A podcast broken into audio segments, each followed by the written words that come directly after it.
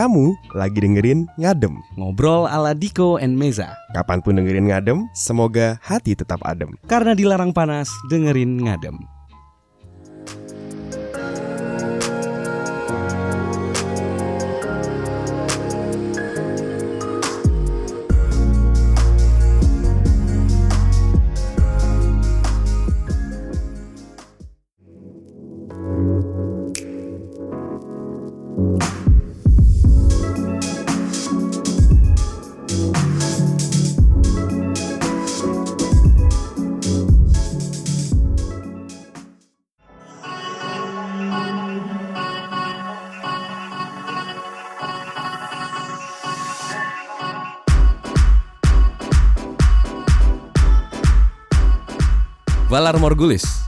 Valar Doeris.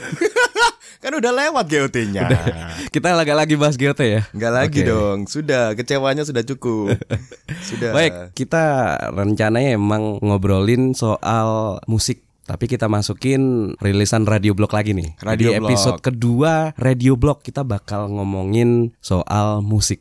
Karena kemarin sudah dua kali berturut-turut kita ngebahas GOT Terlalu overwhelming guys. Tapi nggak apa-apa. Karena ternyata yang kita datangkan Di Radio Blog kali ini kita nggak berdua doang. Di Radio Blog kali ini di episode ngadem yang ke nggak ke berapa sih ini? Radio Blog ya? episode kedua. Radio Blog episode kedua. Silakan diatur sendiri itu. Kita episode berapa sudah?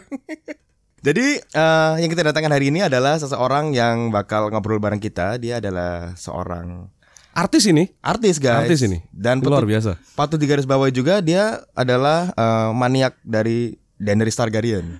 Dia juga penonton GOT, dia masuk ke Targaryen. Targaryen gak sih? Anak Targaryen ya? Aku enggak yang singa dong. Eh. Oh, anak Lannister. Oh iya Anistar. Jadi yang cebol enggak apa-apa. Deket sama Meg guys. Oh, udah mulai masuk nih. Iya. masih masih malu, masih malu. Yoi. Biasanya soalnya eh, dia nggak apa? Nggak. Dia nggak berhubungan sama Mike. Iya benar. Hubungannya sama mencet-mencet. Enggak dia bagian, keyboard ya? bagian masakin kabel kan. Masakin emang. kabel. Mm-mm, masuk nyolok Spesialis nyolok kabel. nyolok nyolokin XLR, Benar. nyolok nyolokin RCA, betul ya? Jadi eh, teman kita yang satu ini, kita ngomongnya apa? Teman, friend, kawan. Sahabat. Uh. Sahabat. Aduh. Pokoknya eh jangan, Tersentuh sekali saya. bukan kawan ya. Bukan kawan. sahabat ya, sahabat aja ya. Ya, ya, kalau kawan terlalu radio tertentu. Hmm, kalau sahabat kan eh, masih member-member sama itulah. Sama satu vokalis itu loh. Oh, Peter Tapi yang penting kan nggak ada videonya. Sayang sekali guys. Sahabat kita yang satu ini luar biasa. Dia seorang produser, dia seorang seniman di dunia musik juga, terutama mungkin kalau anak-anak Surabaya yang cukup eksis, gaul di tempat-tempat gaul juga. Hmm. Biasanya juga pasti pernah ya minimal dengar namanya lah. Hmm. Minimal dengar namanya. Tapi yang paling spesial juga kalau buat kami di Ngadem, eh, sahabat kita yang satu ini juga berkecimpung di dunia radio. Nah, dan pengalaman radionya tidak sedikit guys. Tidak sedikit luar biasa bahkan kita kalah loh ya. Banget. Banget ya. Telak Dia men. yang paling banyak nih pengalaman di radionya. Telak men. Dia radio radio? kampus, Radio salah satu kampus. pesawat penggiat radio kampus. Kampusnya mana mas? UPN. Oh ada UPN. Universitas paling negeri ya. Yoi. Iya. Masih mahasiswanya bapak saya. Oh iya. Ah, benar. Saya lulus karena bapaknya. Oh iya bener. Sedikit nepotisme. Ini jangan di on air kan. Tapi tetap nanti nggak nggak nggak bakal saya potong. Nggak bakal saya edit. bagus bagus bagus bagus. Selain di uh, radio, Radio kampus, kampus. terus sempat masuk radio profesional di 8 898 lap- 98,8. Nah, 98,8. 98,8. Waktu itu masih muter lagu Indonesia doang ya. Full Belum. Indonesia semua. Sekarang sudah jadi gaul banget ya. Benar. Oke. Top 40 kan. Yoi.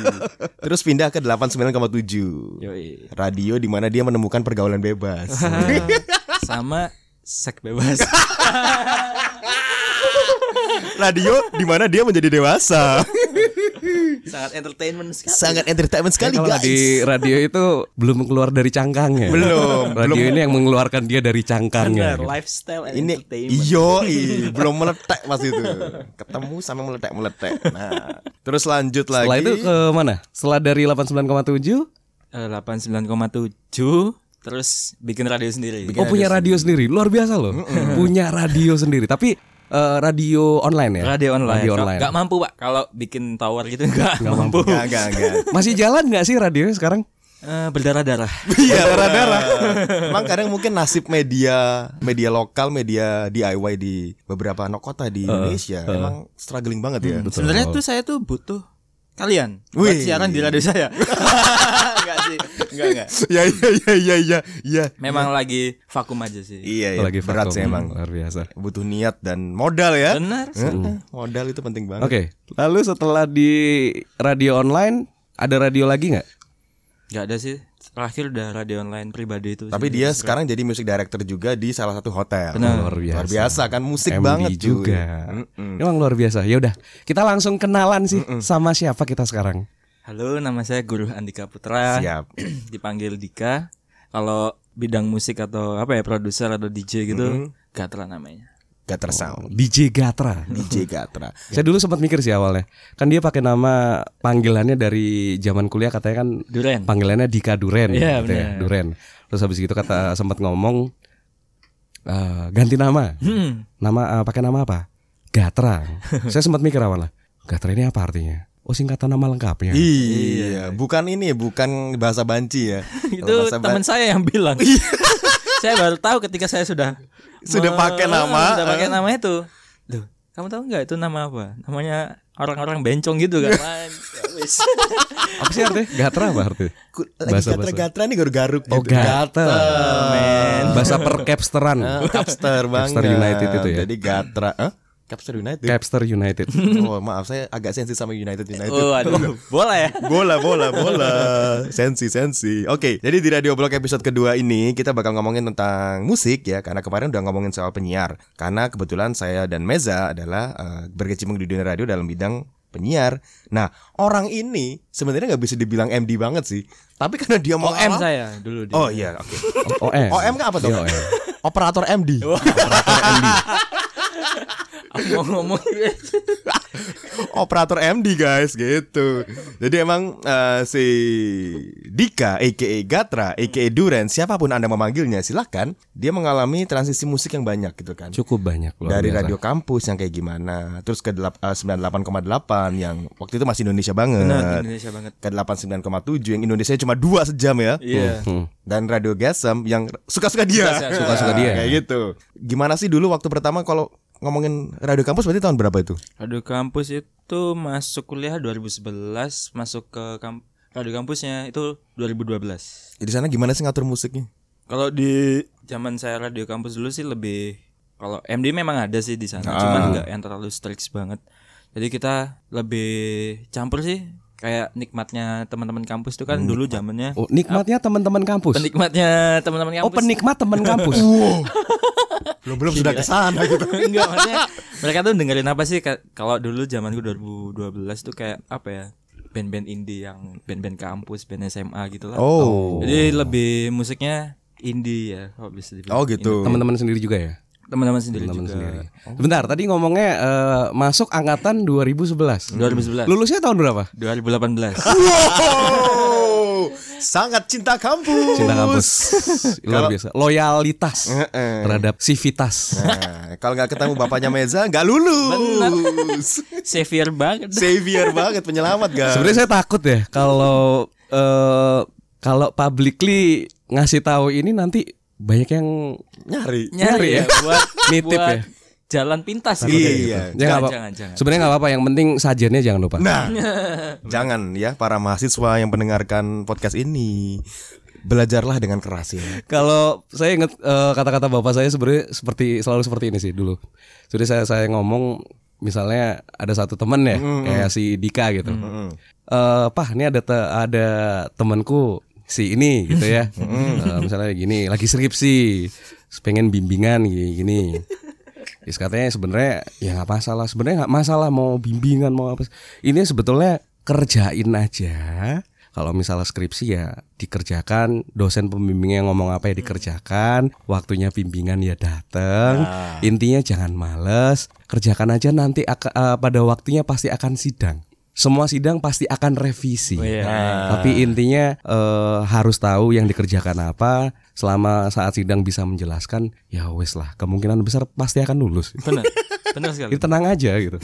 Oke, ini buat para para mahasiswa tolong ya belajar yang rajin Belajar supaya yang tidak harus rajin. menghadirkan sesaja. supaya tidak harus bimbingan ke sidoarjo. Jauh loh guys, sidoarjo guys.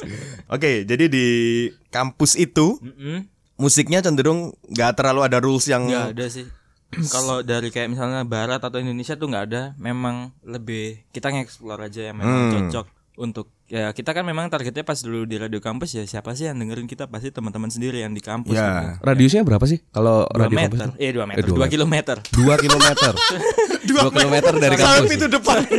dua kilometer tuh eh, area kampus doang. Dari Oke. kampus ya? Eh, kalau lebih itu udah nggak boleh, Emang nggak boleh ya peraturannya ya? nggak boleh. Tapi kalau yang di zaman tahun 2014 udah mulai, mereka udah mulai online sih.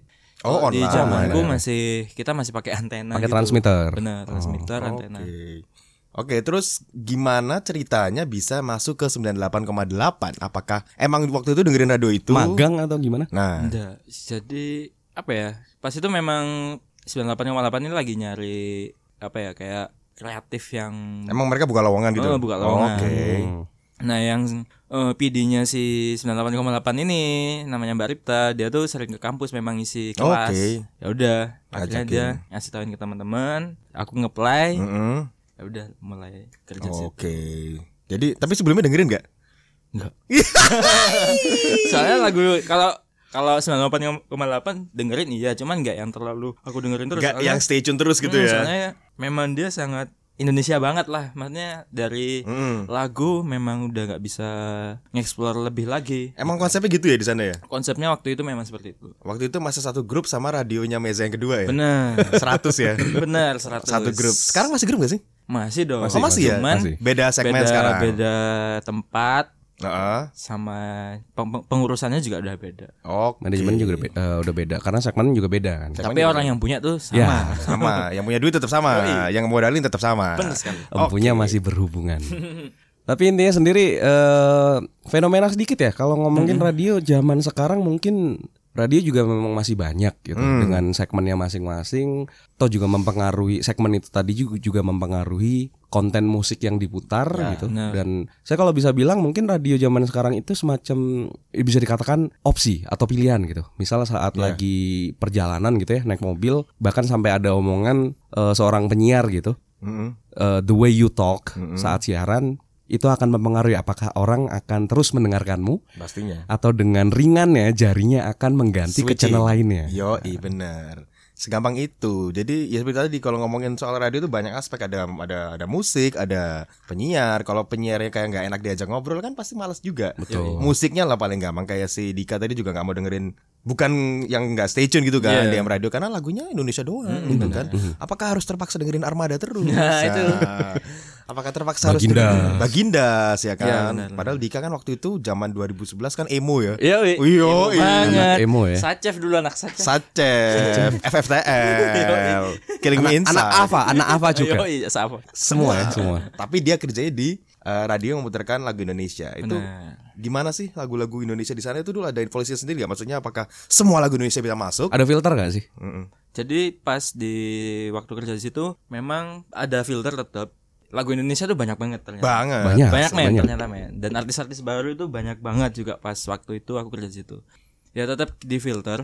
Cuman tetap apa ya kita memfilternya itu dari segmentasinya si radio ini sendiri gitu loh. Oke. Dari segi umum Oke. kayak gitu. Oh. Ini cocok gak lagu ini buat didengerin sama anak-anak muda misalnya kayak gitu. Oh, waktu itu muda ya? Masih muda. Segmennya umur berapa sih kalau pendengar di radio itu? Dulu 98,8 tuh range-nya tuh dari Anak sekolah? SMP sampai karyawan yang nggak sampai 25 lah. umur. Dewasa muda ya? Ah, dewasa muda. Nah, kuliah lah. ABG sampai dewasa muda ya? Heeh. Oke. Kayak gitu. ABG sampai awal-awal 20-ish lah, 20. Ya, Tapi masih. di situ eh, dari ilmu buat radio banyak banget sih. Belajarnya Oh, di sana semua sih kalau basicnya. Kalau di kampus kan basic belajarnya ya cuman kita nge-explore sendiri nih, nggak ada Hmm. nggak ada yang guru stay tune di situ. Cuman kalau Enggak ada ya? ketika di konvensional di 9,8 kita langsung terjun langsung jadi ilmunya Enggak ada dosen ikut-ikutan ngomong di kampus gitu enggak ada?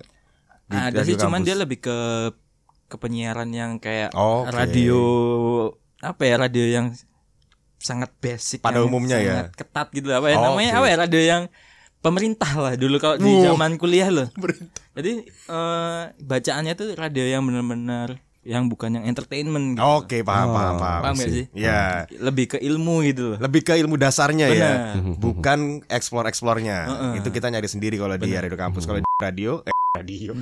kalau di 98,8 sulit ya pak ya Sulit ya menjaga 98,8. supaya tidak keceplosan guys.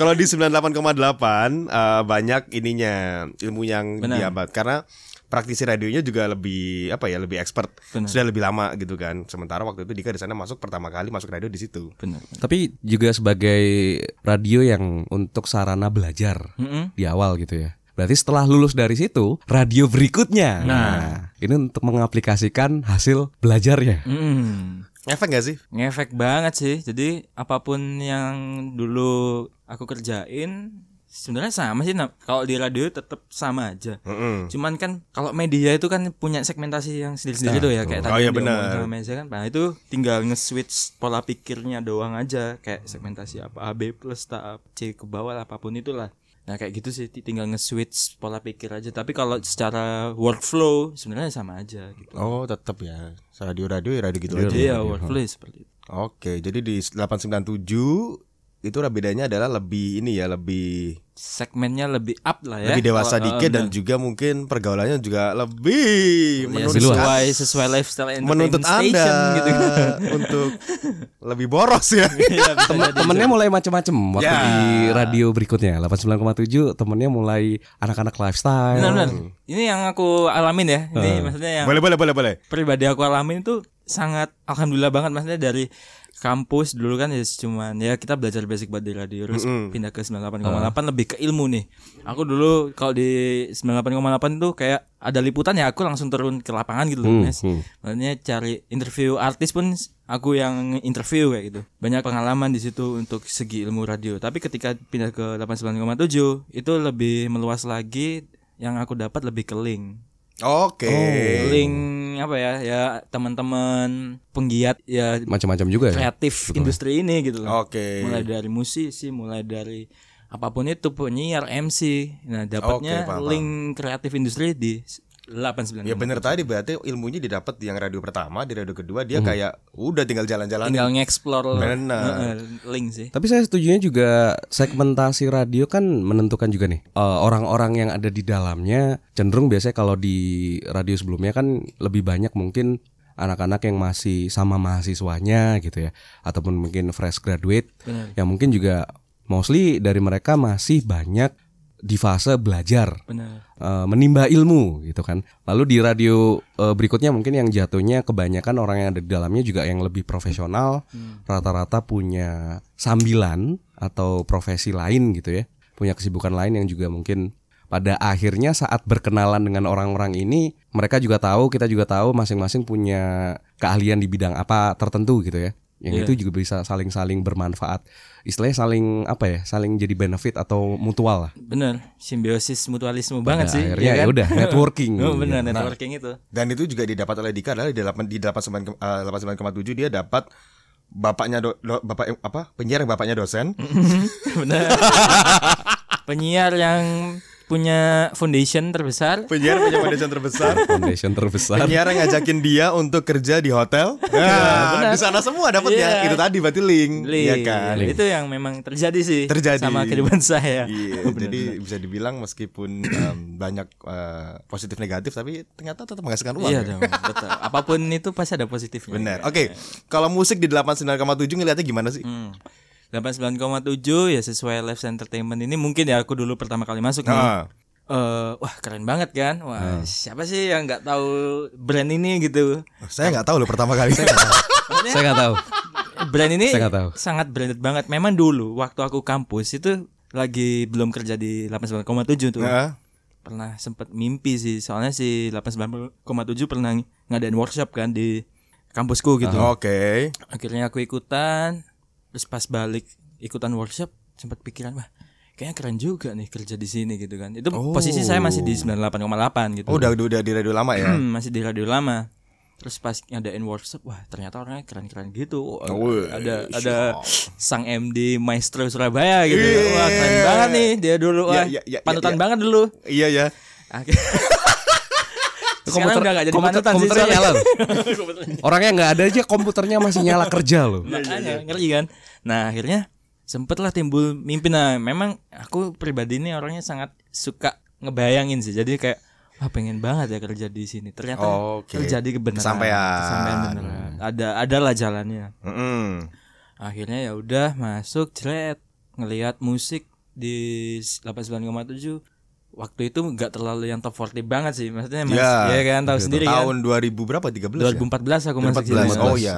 Wah itu lebih ngeksplor lagi di apa ya warna musik industri ini. Benar. Mulai dari top 40 ada yang lebih ke independen. Benar, Dan benar. itu juga dari luar, nggak cuma dari Surabaya sendiri atau Indonesia gitu. Mhm. Lebih ngeksplor lagi dan ya itu lebih luas sih. Jadi sangat apa ya?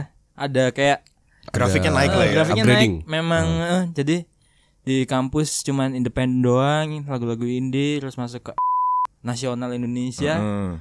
masuk ke Masuk ke radio yang pertama. Iya, masuk ke radio pertama lagu-lagu nasional Indonesia 89,7 lebih meluas lagi internasional Oke, iya bagus sih. keren sih Berarti Anda mengalami perkembangan dalam kehidupan. Alhamdulillah. Meskipun pendapatan tetap begitu aja ya. tahu sendiri kan distrik kreatif Surabaya seperti apa gitu kan Maaf ya kita semua kembali ke keuangan ya. ya jujur aja memang Iya, keadaan teman-teman pasti seperti itu sih Ya ya ya ya. Kayak gitu Jadi sih. di 89,7 uh, lebih meluas ya benar secara internasional banget secara ininya juga mungkin segmennya juga karena lebih orangnya lebih mikirnya lebih banyak ya. Benar. Jadi butuh masukan juga banyak.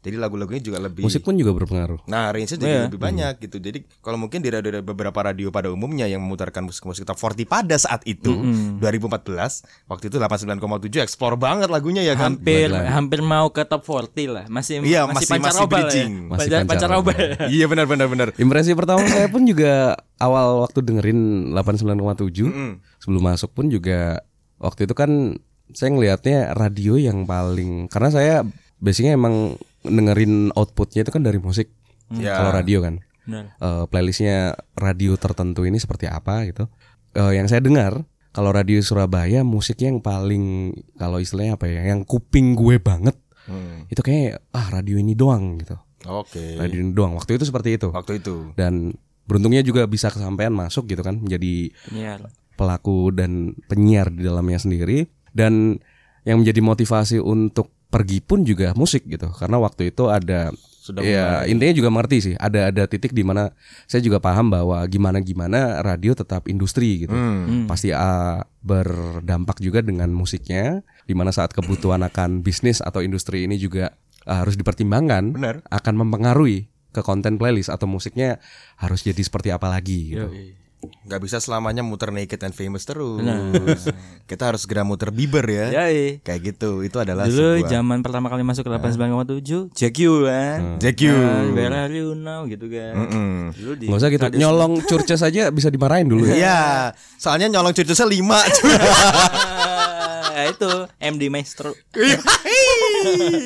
gitu. Seru, Jadi seru sih. di radio 89,7 kita menemukan eh, nggak cuma Dika sih karena kita bertiga ketemunya di situ Ya ya. kita, Kita bertiga ketemu, kebetulan ketemu di situ. Ketemunya di situ jadi em, Seru-seru. kita semua ngalamin gimana eh, waktu itu kita mengalami transisi dari yang musik yang bisa dibilang cukup edgy waktu Iya, itu iya. ya. Apa aja sih dulu Meli, Meli Copeland, ya kan? Copeland. Terus em, ya itu tadi sih si yang keinget kok Naked and Famous doang ya Peter soalnya. Wild Nothing Oh iya, Wild Nothing. Wild Nothing. Siguros dulu di Siguros Siguros ada. Saya juga ingat radio yang muter Mew nggak cuman comforting sound. Iya. Ada Emaurai waktu itu kan. Iya, special. Ada special juga. Zookeepers Boy. Zookeepers Boy. Luar Gila biasa. loh itu. Luar biasa lah Keren banget lah Zaman sekarang radio kalau nggak muter Bieber sama Nicki Minaj Taylor nggak dengerin. Gak masuk Itu apa hasil Nielsen nanti Nggak masuk cuy. Kerja kita selama setahun ujungnya dimarah-marahin doang. Gak dapat gaji malah Curhat banget guys. Gitu. Tapi sebetulnya bisa dibilang emang bekerja di radio itu mix sih antara atau kombinasi sebetulnya antara passion hmm. tapi ya tetap nggak bisa ngelupain ada ada sisi-sisi profit atau money oriented juga karena Pasti. gimana gimana juga sebuah Kita industri butuh duit gitu kan. kan juga butuh duit juga gitu Lalu di 89,7 eh Dika membuat sebuah inovasi dengan membuat radio. Ya. Luar biasa. Apakah itu didasari karena nggak bisa muter lagu yang disukain lagi apa gimana? Sebenarnya itu bukan radio online saya yang ke- yang pertama. Oh, sempat Oh, ya? sempat Iya, buat jadi ya? pas di s- 98,8 Heeh. sama sama teman-teman kampus saya kuliah dulu sempat bikin yang bergejekan aja radio online Ah. karena lagi musimnya itu kan di Jakarta dulu. Iya benar benar. Eh, coba yuk yang tapi yang Ruru ya dulu ya Iya, yang menginfluence ya. Terus ya coba yuk bikin tapi yang enggak bukan yang sangat serius banget malah dibuat Mhm. gosip-gosip teman-teman kampus sendiri gitu loh. Ternyata oh, bisa gampang banget nih kita buat bikin radio online. Ternyata Hmm. gampang lah pokoknya caranya. Pas ketika masuk 89,7 ketemulah sama si Indra ini ya. Sama mafia itu ya, sama mafia mafia. Hongkong satu itu ya. Yakuza dia. Yakuza dia tuh. Mukanya lebih Yakuza sih. Cristo Foundation kita bilang Cristo ya. Foundation. Foundation Dan- ini punya apa ya kayak mimpi dia ya pengen bikin sesuatu hal di kehidupannya dulu waktu ngomong sama saya.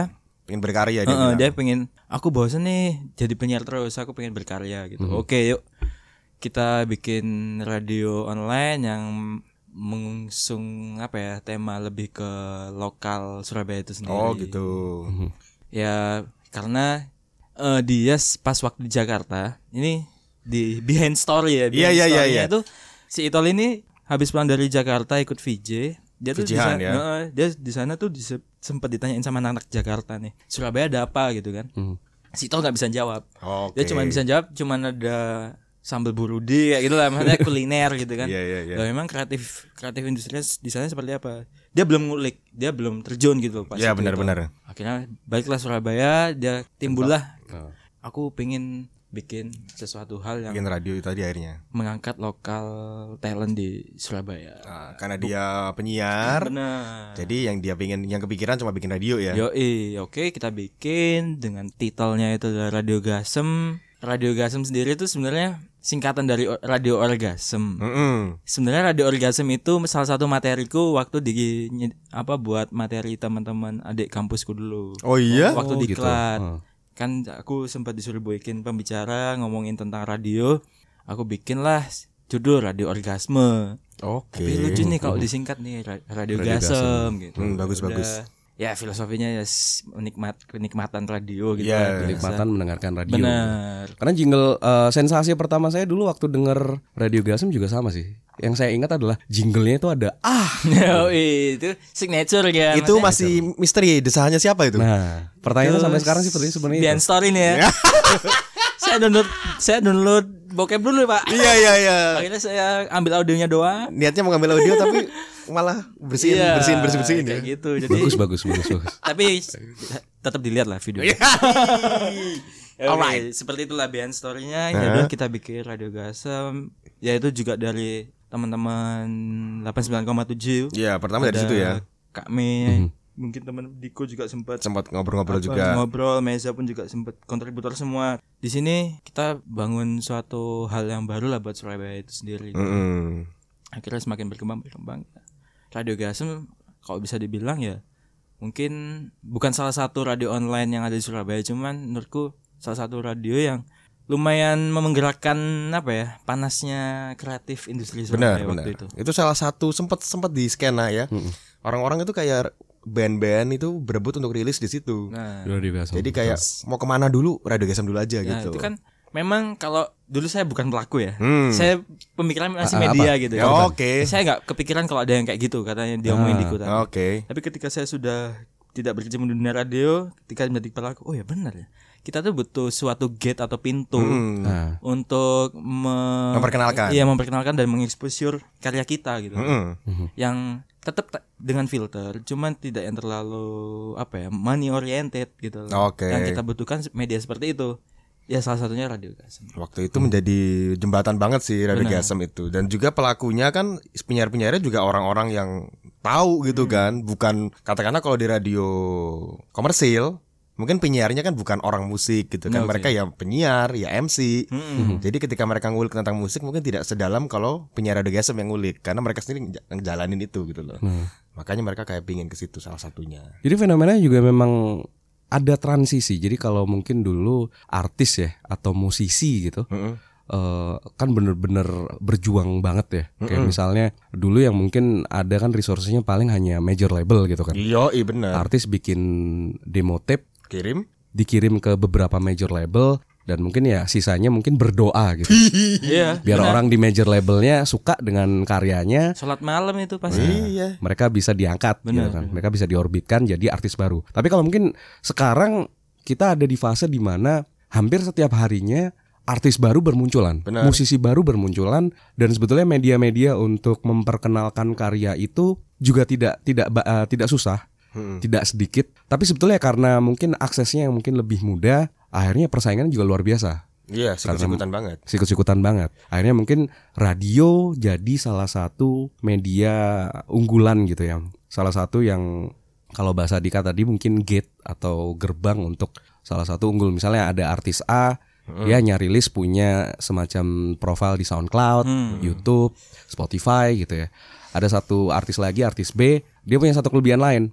Dia punya bantuan atau mungkin dengan bantuan eh, dia bisa press release mengenalkan dia punya album atau misalnya EP ya Hmm. atau ya minimal debut single atau apalah untuk dikenalkan gitu dengan bantuan dia bisa on air di radio walaupun ya scale-nya hanya eh, minimal lokal lah hanya di satu kota tapi itu di sat- satu keuntungan tersendiri gitu Nah, paling nggak dia akan lebih didengarkan Prestisnya juga lebih tinggi sih menurut saya. Prestisnya juga lebih tinggi. Katakanlah ini Radio Gasem sk- skalanya ya kalau dilihat, wah paling teman-teman sendiri yang dengerin tapi Iya. apa ya kayak ada hal yang sesuatu hal yang kita tidak dapat kalau misalnya kita cuman promosi lewat Instagram misalnya kayak gitu. Iya benar. Meskipun Radio Gasem juga ujungnya lewat Instagram gitu kan. Cuman kayak ada hal yang beda ketika kayak diundang, diajak ngobrol. Teman-teman pelaku sih membutuhkan seperti itu sih sebenarnya. Mungkin seskeptis-skeptisnya musisi indie sama radio zaman sekarang atau media mainstream pada umumnya, tetap ketika para musisi ini mendapat exposure entah itu di koran, entah itu di TV, entah itu di radio, tetap ada kebanggaan tersendiri. ada kembangan tetap seneng sih Tetap senang karena kan mau nggak mau di- yang ngelihat bukan cuma kalangan sendiri kan, Benar. kalangan yang nggak tahu dia jadi tahu, entah cuma lewat doang. gitu Meskipun nambah 3% 4% ya, tapi itu ngefek banget sih. ya. Mm-mm. kalau terminologinya kalau bahasa sekarang mungkin kolaborasi kali ya mutual Ya, benefit yang satu butuh Ya. exposure yang satu juga butuh Konten. konten Benar. butuh artis, butuh narasumber, misalnya tambahan untuk talk show segala macam. Ya sama-sama ngejual aja. Misalnya satu sudah punya influence atau udah punya follower ya, Ya. pendengar atau listener gitu ya. Segini gitu mungkin saat dikolaborasikan bareng masing-masing listenernya atau masing-masing pendengarnya akan menambah banyak gitu. Yes. Sebenarnya sama sama yang kayak kita lakukan sekarang sih. Iya, benar, iya, iya. Sebuah simbiosis Terobosan baru. Heeh, benar. Terobosan baru. Terobosan. Dulu waktu di Radio Gasem, untungnya itu sebenarnya kayak gini. Dulu kan banyak banget nih yang siaran di radio. Mm-mm. Maksudnya di Radio Gasem nih teman-teman baru yang teman kampus yang baru yang pengen Mas aku nyoba dong gimana Pengen sih siaran gitu ya." belajar di radio. Wah ya kita sangat terbuka sekali. Alhamdulillah juga mereka langsung terjun di radio konvensional. Hmm. Oke. Nah itu makanya kita kehilangan SDM. kehilangan Tapi itu SDM. sisi baiknya adalah, oh berarti Radio Gasem ini eh ada bibit-bibit baru kayak Arsenal gitu lah istilahnya kan. Ya. Oh, saya nggak suka sih ini. saya nggak suka. sensitif dong, sensitif. Sen- sensitif. Jangan. Kata-kata itu sensitif nama itu. Obrolan agama tolong jangan dibawa ke sini ya. Jadi kayak menciptakan eh, apa ya talent-talent baru gitu. Benar, benar, setuju. Eh, ya itulah, maksudnya banyak hal yang terjadi di Radio Gasem yang tanpa aku sadari sama teman-teman yang lain di situ. Ternyata, Ternyata gitu ya. banyak banget apa eh, nilai yang kita bisa ambil gitu loh. Gak cuma di musik, gak cuma di apa pun, tapi di kehidupannya teman-teman sendiri juga ada. Oke, ngomongin musik lagi di Radio Gasem, gimana policy dan rule dan apa yang menjadi apa ya landasan dalam memutar musik di Radio Gasem? Jadi pertama kali bikin tetap ada formula selalu berganti-ganti ya. Mm-mm. Pertama kali pasti bikin Ada MD gak sih di sana? MD-nya Kak Mei, Hana Mei. Hana Mei Semampang Jadi- yang membawa Dika menjadi MD di hotel Yoi. ternama. Sebenarnya tuh saya pengen kalau di produser Gatran DJ ya. Ya. Pengenku tuh MD-nya tuh Kak Mei, tapi kok masih ya udah. Akhirnya saya sendiri Dia MD. sibuk. Dia sibuk soalnya. Iya, mau mau mau persiapan juga. Iya ya, Mbak Mai apa kabar? Tapi tapi next time harus di harus, kita dong. ajak juga ya, Orang ajak keren sharing banget juga. ya. tuh. itu terbaik sih, one of the best sih. Oke, ngomongin musik lagi di Radio Nah, jadi pertama kali yang bikin musik polisinya tuh si Kak Mei kan. Mm. Kita ngangkat apa ya kita bawain lagu-lagu yang elektronik sans apa ya ngomongnya Electronic sans. Electronic sans. musik-musik elektronik yang di ta- di zamannya tuh tahun 2000 Berapa ya 2016? 2015 deh. 15, 15 15, 15 kayak apa ya? Duh aku sampai lupa yang andalannya Kak Mil pokoknya musik elektronik tapi enggak enggak yang EDM banget. Bukan yang dance banget, kayak yang apa ya modelnya? chill. Kayak churches lah, kayak churches lah. Kayak kalau- M83. Yoi. Oke. Seperti itu. ya. Mm. Terus akhirnya itu awal-awal tuh. Mhm. Terus kita sempat inget nih, waduh, terus lokal kontennya di mana nih? Kan karena ta- kita ngundang tamu itu kan teman-teman pelaku skena Surabaya. Wah, kita harus masukin nih apa untuk musik-musik independennya juga. Oke. Akhirnya 50-50, 50-50. Independen luar, independen nasional. Berkembangnya zaman lagi lebih banyak eh, in- independen lokalnya Lokal. nasional 70-30 kayak gitu sih. Ya Oh, tetap tetap berubah. Terus sekarang terakhir itu pokoknya 20% ini cuma internasional. Yang 50 ini Oh, Surabaya, 50. 30 ini nasional. Oh wow. Oh, Kayak gitu. gitu. Jadi benar-benar ngangkat skena ya. Lokalnya yang benar-benar diangkat Bener. banget ya. Jadi semakin di tahun 2018 sih itu mulai eh 2017 Du- 2017 itu udah mulai lokal kontennya yang dibanyakin. Oke. mulai dari TFT dan Delion banyak lah Humi Dumi segala macam semua teman-teman. Tapi membuktikan sebetulnya scene lokal bisa diandalkan, sangat bisa Menarik. sangat juga menarik. gitu kan. cuman memang inilah apa ya kayak ada bukan jebakan sih. Sebenarnya gini kalau pemikiran media ya kita tetap ini kita mikir media. Eh, aku sempat juga sempat dilema nih untuk ngefilter musik. Karena kita kat- mas katanya support tapi kok lagu gak dimasukin? Nah. itu pasti terjadi. Banget banget. jadi gini eh mungkin teman-teman yang mendengarkan ini kita harus sama-sama untuk saling memahami sih. Yes. saya juga sebagai pelaku sekarang ketika saya bikin karya jebret. Tapi kalau memang tidak layak untuk didengar jangan terlalu maksa gitu untuk disebarluaskan di media bahkan di Oke. radio gitu Mm-mm. tapi kalau memang sudah yakin mixing mastering entah itu apa pun Nah, untuk layak didengar Udah oke gitu monggo bukan cuma kualitas dari enak lagunya, bukan dari Bukan segi dari- lirik atau Jadi skillful ya maksudnya Standar teknis ya, standar Benar, teknis produksi. ya. lebih ke Standar produksi teknis ya. benar-benar ya aku sempat dilema juga ngobrol sama opang waktu itu aku sempat Opang ini ada salah satu penyiar dari Radio Gasem. benar Ini juga ya, peng, apa namanya? Pengurus ya. Benar, sempat aku tuh cekcok juga sama Mas Opang. Mas Opang, mixing mastering itu mahal banget loh. Misalnya aku sebagai pelaku nih kan, Mm-mm.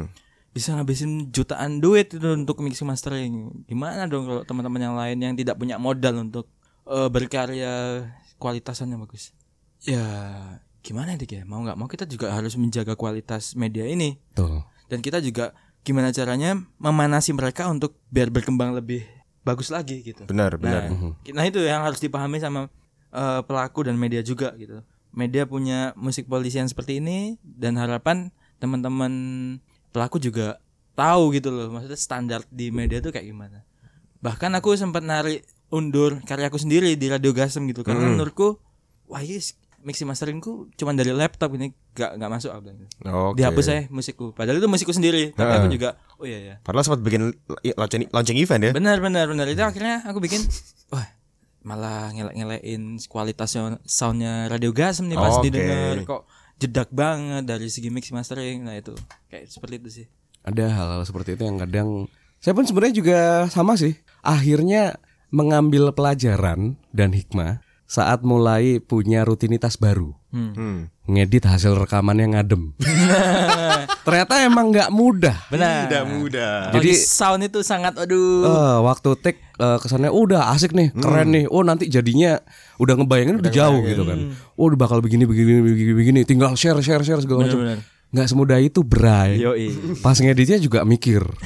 Ini bagian yang harus digimanain. Ternyata juga pada akhirnya bener-bener belajar yang namanya eh, aplikasi pengolah audio, eh, pengolah audio, DAW segala macam gitu kan. Oh ternyata ada eh, yang basic aja gitu kan. Ngilangin noise gimana, ngeredus noise gimana, normalizer Efek gitu gimana, betul. Efek segala macam itu luar biasa banyak dan eh, saya sendiri yang pernah ngalamin semuanya ya dengan dunia-dunia editing yang ada di eh, digital gitu. Mm-mm. Ngedit foto atau ngedit gambar diem itu gampang, paling gampang. Ngedit Technically gam- gampang ya? technically gampang. Ngedit gambar gerak itu ya satu step lebih susah Next sedikit lah ya, di atas di atas gambar diam. Gambar gerak yang ada audionya Satu step lagi lebih di atas lah. Satu Tapi ya, step lagi butuh komputer yang lebih hebat lagi. Nah, speknya juga nentuin sih. Render nungguin 3 jam itu beda sama uh, komputer yang bagus. Nah. Rendernya cuma 15 menit Yes. gitu ya. Yoi. Itu beda banget. Tapi jujur di atas semuanya yang paling susah banget itu ngolah audio. Yo. Asli, apalagi produce audio. Dan itu harganya cuman dikit kan. Kamu kalau beli iTunes lagunya Coldplay berapa tuh? Benar, setuju. Tapi mixing masteringnya puluhan juta mungkin ya. Nah, Benar. itu ya itu yang terjadi di dunia Bikin lagu ya kan, Yo beli alat, latihan, Benar, benar, benar. rekaman. Sekarang standar standar bawahnya rekaman di Surabaya aja loh, tujuh ratus ribu lah paling enggak ya. Satu lagu tuh. Itu mixing doang, belum rekamannya. Rekaman mungkin empat ratus ribu, satu juta seratus lah. Nah. Itu batas bawah dari sebuah kualitas aman untuk eh, rekaman. Didengerin di Spotify bisa beli via Tokopedia guys, lima belas ribu sebulan. 15 ribu premium sebulan ada yang 25 ribu, 30 ribu udah dapat 3 bulan. Nah, kadang yang ngehack malah bisa lifetime. itu itu minta disundut rokok banget sih. Maka Makanya mungkin pesan kecilnya gini, kita sudah mendengarkan langsung testimoni dari pelaku seniman-seniman musik ya, seniman musik lah kita terutama bahasannya soal musik. Jadi ya pesannya kurang-kurangin yang namanya ngopi flash disk.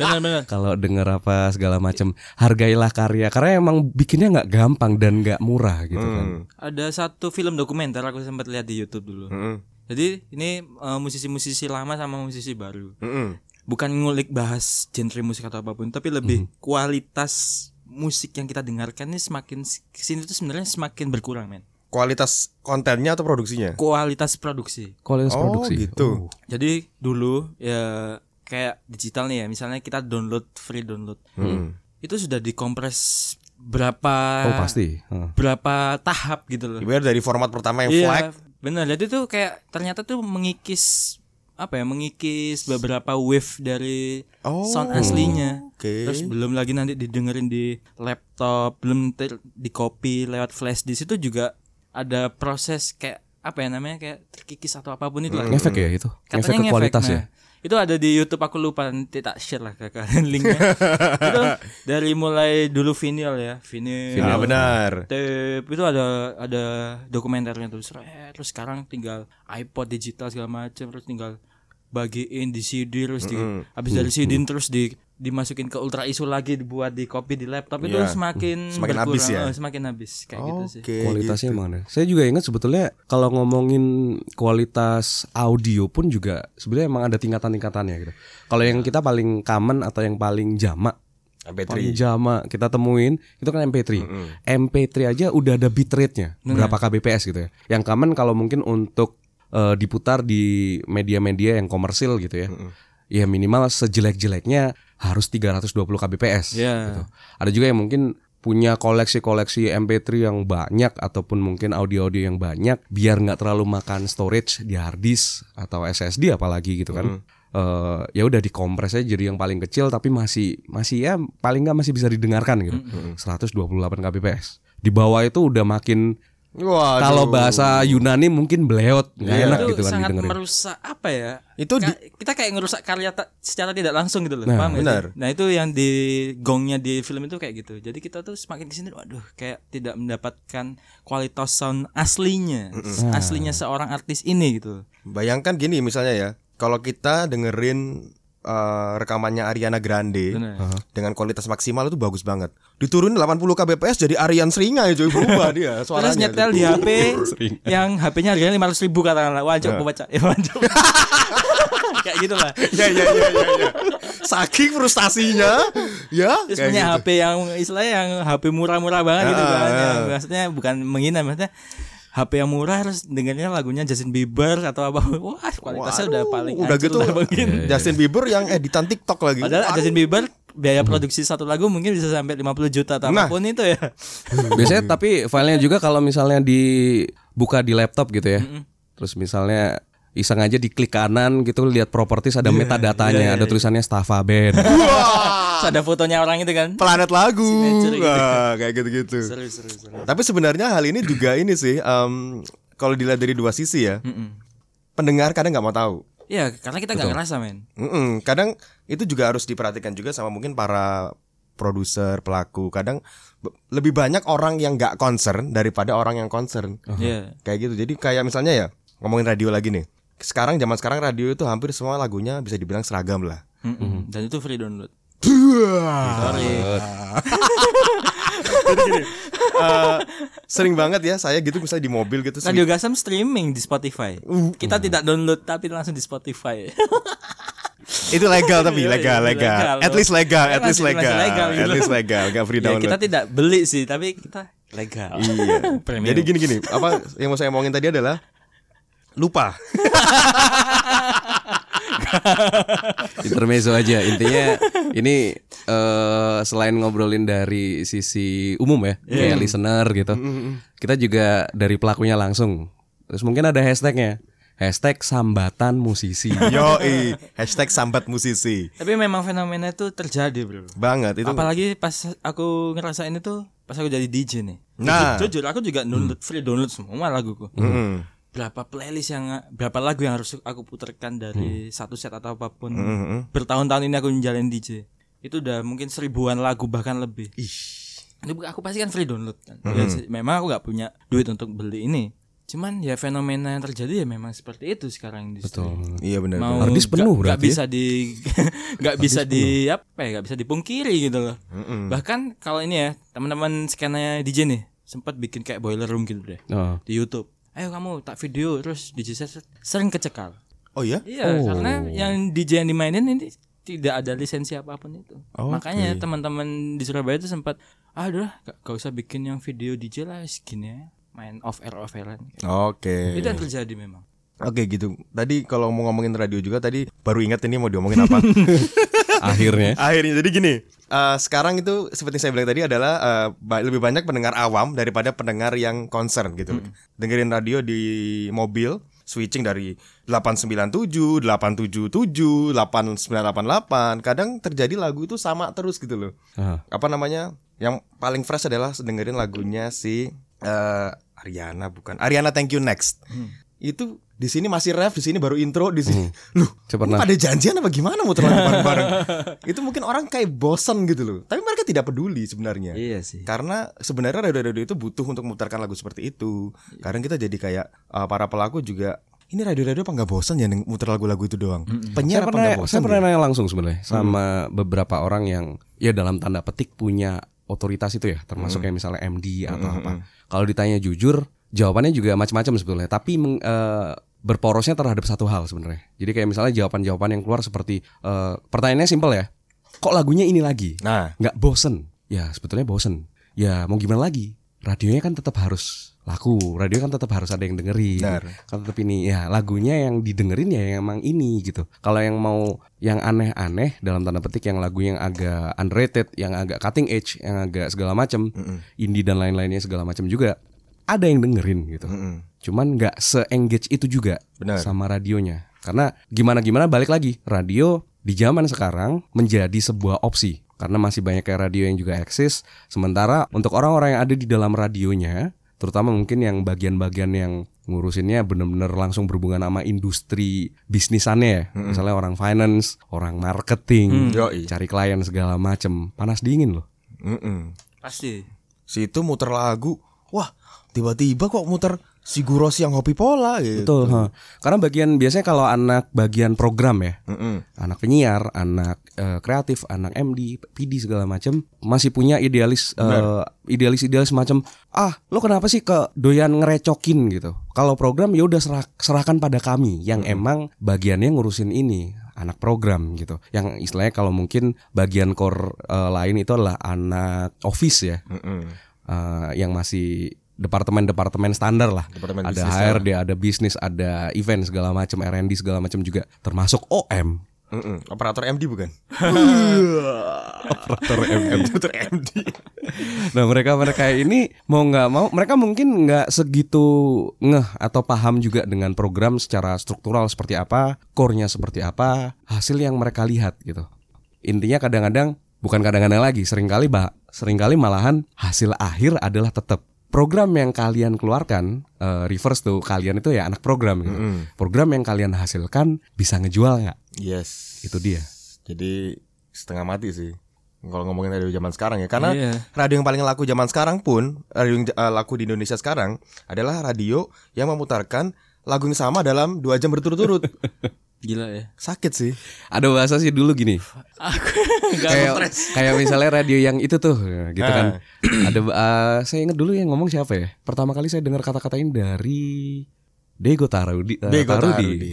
Katanya bilang, "Iya, radio yang itu tuh sukanya melacur." Melacur. Melacur maksudnya lagu yang sama dalam satu atau dua jam bisa keulang, bisa diputar lagi gitu. Karena lagu itu emang lagi ngehits banget. Tuh. Dan itu jadi kayak nggak apa ya ibaratnya kalau buat orang-orang yang mungkin digging tentang musik yang nggak awam ya istilahnya kayak kita nyari tahu lagu jadi apa ya kayak bosen gitu loh. Sebenarnya kita tuh pengen dengerin radio pengen dengerin penyiar tapi ketika penyiar ini selesai ngomongnya Katy Perry lagi ya kan? Justin Bieber lagi Ariana Grande lagi. Kapan nih counterparts gitu ya? Kapan nih BMTH gitu loh sekali-sekali gitu. Ini emang uh, suatu hal yang conflicting tapi mungkin buat tapi masalahnya itu tadi seperti saya bilang pendengar awam itu lebih banyak daripada pendengar yang tidak awam Mhm. jadi mau nggak mau pasti radio ngikutin yang pendengar awam ini itu yang di grab bukan grab saingannya gojek bukan, Bukan. kalau itu banyak promo Uber udah gak ada ya? Hah? Uber Uber nggak ada. ya? Uber sudah pensiun sekarang ganti grab Tapi emang eh, tidak terelakkan transisi untuk dari sisi pendengar radio gitu. Kalau dulu mungkin elemen sebagai pendengar radio itu mendapatkan hal-hal yang excited ya atau yang seru dari sebuah radio yang dia dengarkan. Itu banyak banget. Bahkan kalau nggak salah dulu banyak pendengar yang kadang nggak peduli sama musik yang diputar sama radionya. Mm-mm. Yang mereka tunggu adalah penyiarnya. itu harapan Saat kami penyiar ngobrol karena dia suka ya. Penyiar ini punya persona tertentu atau karakter tertentu Hmm. Mungkin lucu banget. Ada ka- setiap bahas apa pun, topik apa pun mungkin eh, jokes-jokesnya dia yang ditunggu gitu. Ataupun mungkin dari fitur-fitur radio itu sendiri. Misalnya dia eh, radio tertentu ini punya program punya program misalnya seperti request ataupun mungkin ngebahas genre tertentu atau artis musisi tertentu gitu ya. Dalam artian ini juga semacam fitur yang juga bi- bisa jadi ditunggu-tunggu. Mm-mm. Jadi kalau kadang saya juga sempat masih ada di dalam fase saat kita SMS ya, masih SMS, SMS. belum ada yang namanya WhatsApp. eh, WhatsApp, BBM, Line, WhatsApp, eh, Twitter Twitter dan segala macamnya itulah. Kita masih SMS ke radio yang di mana tarif SMS waktu itu 350 rupiah. Wadaw. SMS kita dibacakan on air, eh, salamnya untuk siapa dibacakan on air, lagu kita diputar. Itu senengnya luar biasa. itu. Oke, Dika, kamu eh, kan dengerin radio nih. Dulu punya penyiar favorit gak sih? Enggak ada. Tapi aku sering Nggak ada request dulu di di Oh, iya? 105,9. 105,9. Oh iya, Oke. iya, Aku pernah request pas zamanku SMP SMA itu sering request cuman nggak pernah apal nama penyiar. penyiarnya. Oke. Dulu request lagunya Ipang lah. Ya weh, yang galau-galau kan dulu kalau Mm-mm. waktu Ada yang SMP hilang. SMA. Oh, bener terus buat salam ini pasti pernah sih. Cuman kalau penyiar yang aku suka nggak ada. Enggak ada Saya saya pernah ingat kalau ngomongin request dan salam ya. ya. Saya pernah dengerin 10 11 10 11. waktu itu. Oke, 10 11. ah. Zaman kuliah intens 10-11. intens beberapa bulan lah. Oke. Karena suka sama satu penyiarnya. Heeh. Saya request karena dia juga menggawangi, Menggawangi. atau eh, menyiari sebuah program yang juga keren gitu. Eh, bahas bahas musik indie segala macam di Surabaya. Nah, penyiarnya lucu gitu. Anak satu kampus tapi cuman cuman pernah lihat Lucu gitu apanya aja. nih? Oh, lucu, lucu. Lucu. Oke. Terus suka suka dengerin request gitu kan. Salamnya ya udah buat yang siaran aja. Siap, guys. Itu ya hal-hal yang seru di radio sih. Itu yang ngehook sebenarnya. Meskipun ya itu tadi zaman mungkin zaman sekarang era milenial di mana radio itu porsi lagu lebih banyak daripada ngomong. Mhm. Yang sayangnya lagunya juga sama semua. Jadi agak susah untuk orang itu punya penyiar favorit gitu kan. Tapi aku yakin bakalan bergeser lagi sih nanti trennya. Oh ya? Oh, prediksinya bagaimana? Oke. Sekarang gini, kalau misalnya kalian eh soalnya aku udah nggak di radio lagi memang kan. Nah, Cuman kalau kita ngeliat itu pasti kan bergeser terus tuh. Mulai talk yang durasi lama, kalau kita kerja dulu kan terus sampai dipotong dua menit. Hmm. Sekarang banyak temanku nih ya, kalau aku ngeliat dari circleku sendiri, mereka tuh di mobil tuh dengerin podcast. Ah. Nah, podcast itu sudah nggak ada lagunya gitu. Benar. Aku tanya, "Loh, emang kamu kenapa nggak dengerin lagu?" Aduh, aku ya males kalau dengerin lagu ya tinggal Spotify aja, tinggal gampang lah ngapain request ke radio, ngapain juga gitu loh. Oke, masuk banyak akal. banyak akses yang kita bisa menerobos sana sini untuk mendengarkan sebuah lagu. Nah, Tapi yang kita nggak bisa kita terobos sana sini akses ilmu yang ngobrolan apa ya obrolan-obrolan kehidupan sehari-hari Oh, entah iya. itu apa yang pengen dia dengarkan Benar. aku bakalan yakin sih bakalan nanti radio bakalan banyak talknya sih Karena, karena mere- sudah bakalan kalah sama Spotify masuk akal sih. bakalan betul, kalah betul. sama Make sense. SoundCloud bakalan kalah sama Tidus atau iTunes ya semua itulah Masuk akal ini masuk Mungkin akal. nanti bisa dibikin yang ngadem FM gitu. Oh iya. Seru. Mau bikin tower di mana, guys? Mau beli towernya siapa? eh, ba- mungkin bakalan programnya tuh bukan bahas ya kehidupan sehari mungkin kayak ada siraman rohani pun Widih. Siap. jujur ya teman saya ada yang mungkin ada yang hijrah sekarang dia tuh sering banget ngisi di siraman rohani salah satu radio Islam di Surabaya gitu Oh iya. dan itu musiknya dikit banget men dan Ngomong banyak banget yang dengerin Oke. karena gini loh kalau pribadi ya kita sudah punya HP buat ngopi lagu yang pengen kita dengerin gampang banget tinggal free download di mana ada gitu. Ada. Terus banyak orang yang sudah langganan Spotify bahkan Benar. ada yang langganan iTunes untuk mengakses lagu yang pengen kita dengerin itu sekarang udah gampang banget. Sangat gampang, tinggal Yang kita gak gampang itu yang dengerin suatu omongan apalah pembahasan apa pun itu topik apa pun itu. Itu masuk akal sih, itu gak kepikiran tadi. Jadi kayak kalau selama ini radio memperbanyak lagu untuk menyaingi akses lagu streaming. Benar. Abis gini ketika podcast mungkin akan naik, banyak ngomong lagi nih. Iya, yakin Itu aku. Bener juga. Ye. Itu Tolong para OM, para owner, itu bakalan semua akan bakalan terbalik sih nanti. waspadalah pada podcast. Salam buat salam buat yang lagi di mobil dengerin ini. Kalian lagi dengerin ngadem. Ada cerita lucu. Gimana gimana? nih ya. Gimana Cerita gimana? lucu, cerita lucu. kita ini kita mau main di Malang nih dia DJ DJ temanku ya namanya DJ DJ pasti kita dengerin lagu DJ kan kalau otomatis Hmm. dari lagu entah itu SoundCloud atau mixtape ini enggak sepanjang perjalanan karena duk sedup sedup seharusnya sedup, seperti itu sedup. yang makanya yang kebiasaan kita sehari-hari Oke. tapi teman gue ini ah dengerin podcast horor bayangin Oh iya ya, Ad- ada ada. dan ada. di Spotify itu ada aku gak gak ngikutin sih cuman temanku ini yang ngikutin ah, ah. ya aku otomatis interogasi se- sama si dia karena aku juga se- nanya aja. juga dulu pernah di media kan. Heeh. Kenapa kamu kok sering? Ya seru aja aku dengerin cerita horor ini. Kita kalau di mobil kan ya gak bisa nonton TV, entah itu dunia lain atau apa pun itu kan. Mm-mm. Untuk mendapatkan cerita horor gitu loh. Tapi lewatin podcast aku bisa dapetin nuansa horor gitu loh. Ada sensasinya ya. Dan itu ada theater of mind itu yang ditimbulkan sama si podcast ini. Oke. Memang dapat banget dia mulai dari sound effect hantu lah, sound effect serigala. Aku sampai wah keren banget. Dan itu Produksinya cewek. Oke. Dan aku lupa podcastnya apa. Keren dan. dan Ada ada. Pernah pernah bakalan- sempat dengerin ada eh, podcast-podcast yang model cerita-cerita Ada ada ada. ngomong katanya sih cerita nyata ya pengalaman-pengalaman pribadi jadi kayak saya juga sempet digging gitu ya eh, dengerin beberapa podcast lain dan sempat menemukan ada yang eh, dia memang kontennya sengaja segmennya ke sana Hmm. jadi bikin podcastan dengan konten full horror gitu jadi mungkin memang ada satu atau dua orang atau mungkin lebih ya yang memanage podcast ini cuman di tiap episodenya jadi kayak mereka menghadirkan kontributor atau narasumber gitu untuk menceritakan kisah nyata yang pernah dialamin orang orang tersebut gitu. Oke. Jadi mungkin ya di mana lah pernah lihat apa segala macam gitu. Tapi emang luar biasa sih membangun suasana dari awalnya, misalnya eh, dari sisi ngisi back sound aja. Mm-mm. Itu yang benar-benar mungkin pemilihan mereka juga nggak semudah itu. Mereka mungkin bisa ngedit satu episode itu mungkin bisa berapa hari bahkan sampai seminggu untuk mendapatkan satu episode yang gila-gilaan luar biasa sih. Saya kadang juga malu sih. Ini ngadem aja ngeditnya paling nggak segitu-segitu amat gitu kan. Paling cuma ngekas segala macam ngilangin noise gitu-gitu Iya, iya, banget, ah, gitu-gitu aja gitu. Cuman emang eh, podcast saya juga menganggap satu hal nanti yang ini bisa jadi sesuatu gitu. Karena Iya. Intinya sebetulnya semua orang itu suka ngobrol kok. Kalau emang sudah ketemu temen yang cocok kalau bahasa gitu sama ya. topik yang diangkat juga sih. Topiknya Nah, juga Seberapa cocok. penting gitu kan? Seberapa Itu penting juga ini ya. menjadi highlight dari podcast. Ini kita jadi ngobrolin podcast. It's okay. Gak apa-apa. Jadi highlight dari podcast adalah eh, kita bisa pilih topik cuy, Iya kan? Kalau di radio kita kan terima nih apa yang dikasih sama radio.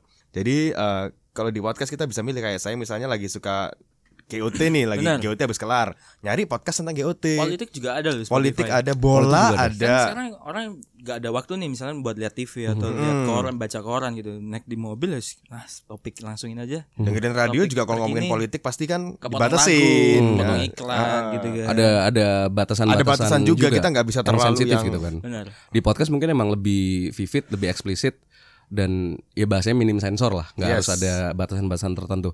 Saya pun juga baru tahu ya. Jadi kalau sebelumnya banyak yang mengasumsikan kalau generasi sekarang, generasi milenial katanya nggak concern atau nggak care sama yang namanya politik. Bodoh amat gitu, nggak peduli. Dari podcast, beberapa podcast yang sempat saya dengerin kemarin eh, beberapa bulan kemarin lah, sebelum-sebelum pemilu gitu. Hmm. Ternyata baru tahu dan fenomenanya bahkan banyak sekali anak-anak atau generasi milenial itu juga care loh. Hmm. Mereka perhatian sama yang namanya politik gitu. Cuman karena selama ini yang terexposure di media-media yang lebih major ya Hmm. atau yang lebih komersil Hmm. eh, ini nggak terlalu tereksploitasi gitu. Karena ya mungkin ya itu tadi ada batasan-batasan yang mungkin takut ya. Karena ada pun media-media yang juga dengan terang-terangan mereka sudah Pro ini declare gitu, Iya. pro ke mana, Pro pro, ke ini. ke mana gitu kan. Nah mungkin saat ada pembicaraan-pembicaraan yang sifatnya lebih vivid atau lebih bebas, Mm-mm. ya mereka nggak semudah itu bisa menampilkannya gitu. Dari podcast juga saya banyak tahu hal baru, saya banyak belajar hal baru dan hidup podcast Iya. luar biasa. Jadi emang kayak berasa ditemenin sih kadang ya kalau ngomong. Jadi perhatian buat 897 100 988 podcast lo, podcast, podcast. Aku yakin pasti ada podcastnya sendiri sih. Kayak nanti. Oh, bisa di jadi web sih, ya benar-benar. kan? Siap, siap. topik Kayak kan. beberapa radio juga mulai bikin konten YouTube. Yoi. Nanti bakal bikin konten semua podcast. bakalan berkembang ya. Kembali hidup. Hidup penyiar. Oke, balik lagi. Sekarang kalau menghubungkan topik kita nih ya, kita ngobrolin musik di radio nih, skena Yes. atau scene musik di radio zaman sekarang terutamanya. Ini kalau Dika sendiri setelah lepas ya menjadi Pelaku radio. pelaku radio. Yes. Nah, sekarang mungkin lebih independen ya. Heeh. Sekarang eh, sibuk sibuk apa aja sih selain Sekarang DJ, produser? DJ, produser, MD sama jalanin label sendiri. Wah, Cakep. Nggak bisa nganggur ya. Gak bisa. Tapi sebenarnya banyak tidur juga di rumah. banyak tidur juga. Bu- Bulannya bulan tidur pun berpahala katanya. Iya, luar biasa. Pas banget. Eh jangan lupa tidur adalah kata kerja.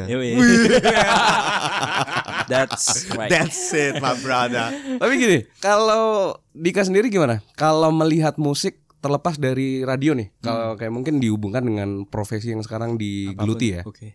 Musik ini menurutku ya nggak bakalan juga bisa mati sih menurutku. Tapi ya ada plus minusnya itu semenjak aku keluar dari radio terus sekarang lebih concern ke musik banyak hal yang aku nggak tahu gitu. Akhirnya aku banyak Nyari melihat histori-histori musik ini Uh-huh.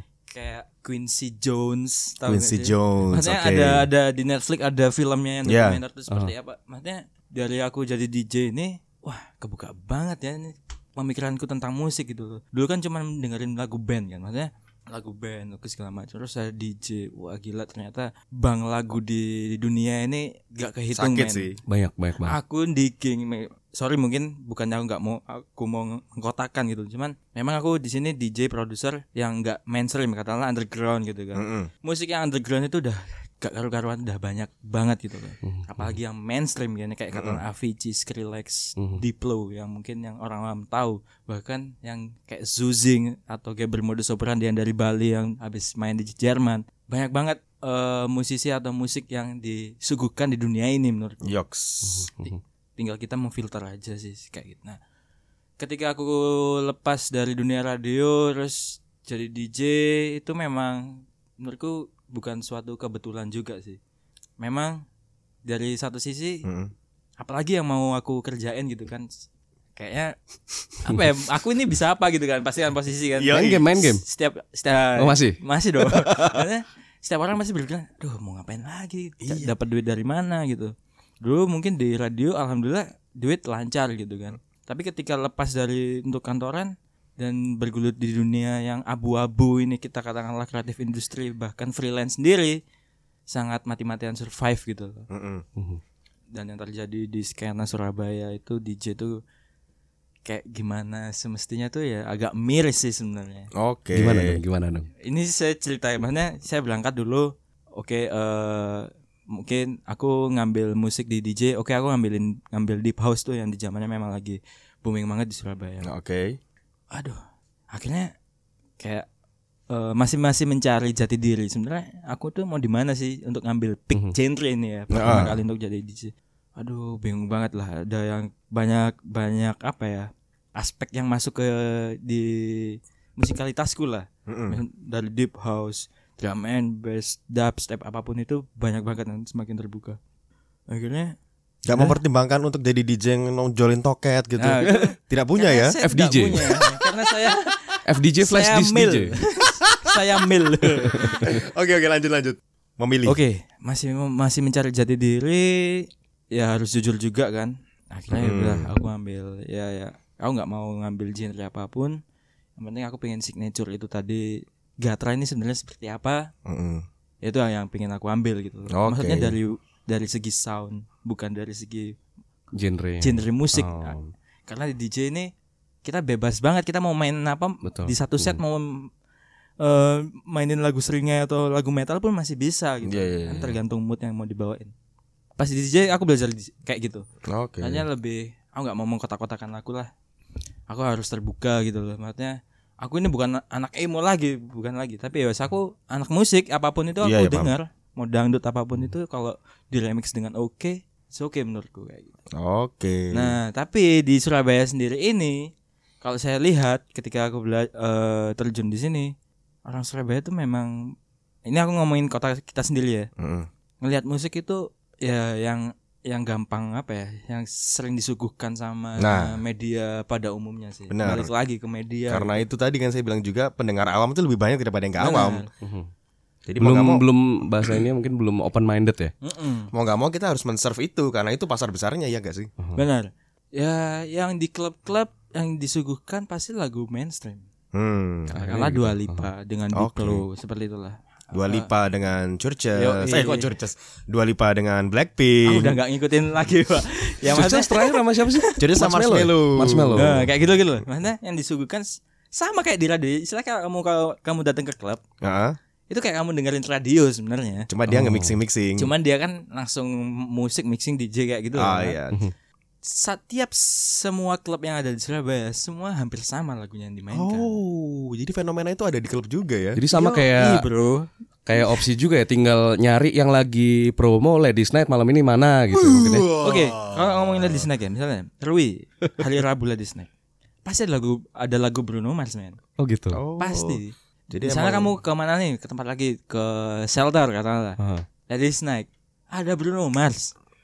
kamu dengerin 89,7 pasti ada Bruno, Bruno Mars. Fuck kan? Iya. Frustasi. Uff kan. Enggak. Nah, tapi di situ balik lagi bisnis. Iya benar. Bisnis. Industri. Aku juga gak bisa komplain, wah gak bisa dong. Mereka bayar karyawannya kayak gimana gitu. Benar benar.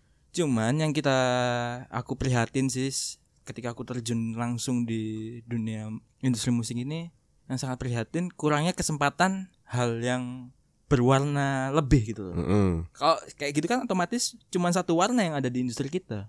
Iya kan? Ya itu mungkin karena itu jadi industri juga sih. Nah, Kalau dari sudut pandang eh, saya sendiri, itu juga dialamin sama musik metal di tahun 2007 sampai 2011 di Surabaya. hmm. Dulu yang namanya SMA Komplek ya, Magnet Zone itu sangat legendaris kan. Betul. Yoi. Itu hampir setiap weekend musik yang disuguhkan tuh metal hardcore, metal hardcore, metal hardcore. Nah, itu nggak apa-apa menurutku. Oh gitu. Karena itu sudah porsinya sih magnet zone katakan. Oke, Tapi boleh aku boleh. dengan harapan misalnya nih setiap klub karena ada Wih klub ini setiap bulan ini banyak yang baru di Surabaya Oke oke. heeh. Cuman mereka itu satu warna semua gitu. Hmm, gitu Nah, ya. padahal dari Senin sampai Minggu ini kan ada tujuh hari. Mhm. Seharusnya bisa membagikan eh, apa ya? Maksudnya musik itu juga bisa dibagi lah. Mungkin hari Senin lagunya eh, R&B gitu. Hmm. Yang Selasa eh weekend lebih ke top 40 it's okay menurutku. Retro gitu Iya. ya. Dari Kayak- sisi tempat berarti ya. Iya, kalau di Surabaya itu kurangnya Variasi, ya? warna variasi, gitu ya. warna dan juga opportunity buat teman-teman DJ baru. Nah. Jujur Saya seketika soalnya inget kayak misalnya di Bali, Ya. di Bali gitu ceritanya kayak eh, pasangan saya pun kebetulan sempat berapa tahun di Bali gitu. Mm-mm. Beberapa klub juga balik ke mood gitu. Kalau misal hari ini pengen dengerin eh trance nih, Ya. mainnya ke klub ini. Benar, ada pilihan. Hari ini mau house nih, Mm-mm. mainnya ke sini. Sini.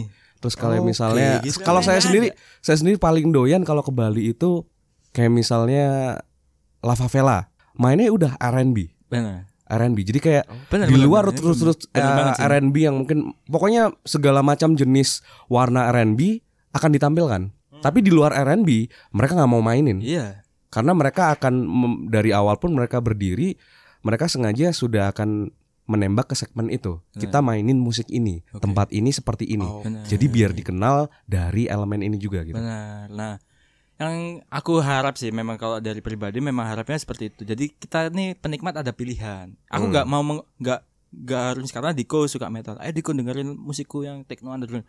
Aku nggak memaksakan itu sebenarnya. Cuman ayo kita seharusnya ada pilihan untuk memilih ke mana gitu loh. Yang di Surabaya ini nggak ada. Semua menurutku dan DJ-nya juga aduh di, maksudnya bukan apa ya saya nggak menghormati yang senior cuman yang baru ini kayak nggak ada kesempatan Oh gitu. untuk apa ya tunjuk gigi lah. Seragam nggak sih? Sorry, ini ini subjektif ya. Iya. Dari kuping saya yang awam dengan saya pun dengerin musik IDM itu nggak se-advance itu gitu. Cuman yang saya tangkap kadang fenomenanya saya misal melihat sebuah manajemen manajemen musik IDM gitu ya dengan eh, personil-personil member DJ membernya gitu. Kayak musiknya yang dimainin juga itu-itu semua gitu. Iya. Makanya Kayak kenapa nggak dibikin misalnya DJ salah satu DJ unggulannya mainnya eh, dia khusus techno nih. Terus ada DJ unggulan lainnya dia mainnya yang khusus R&B eh, ya, deep oh, deep house nih. Deep. Hmm. Macam-macam ada ada juga R&B, ada yang main disco segala macam gitu.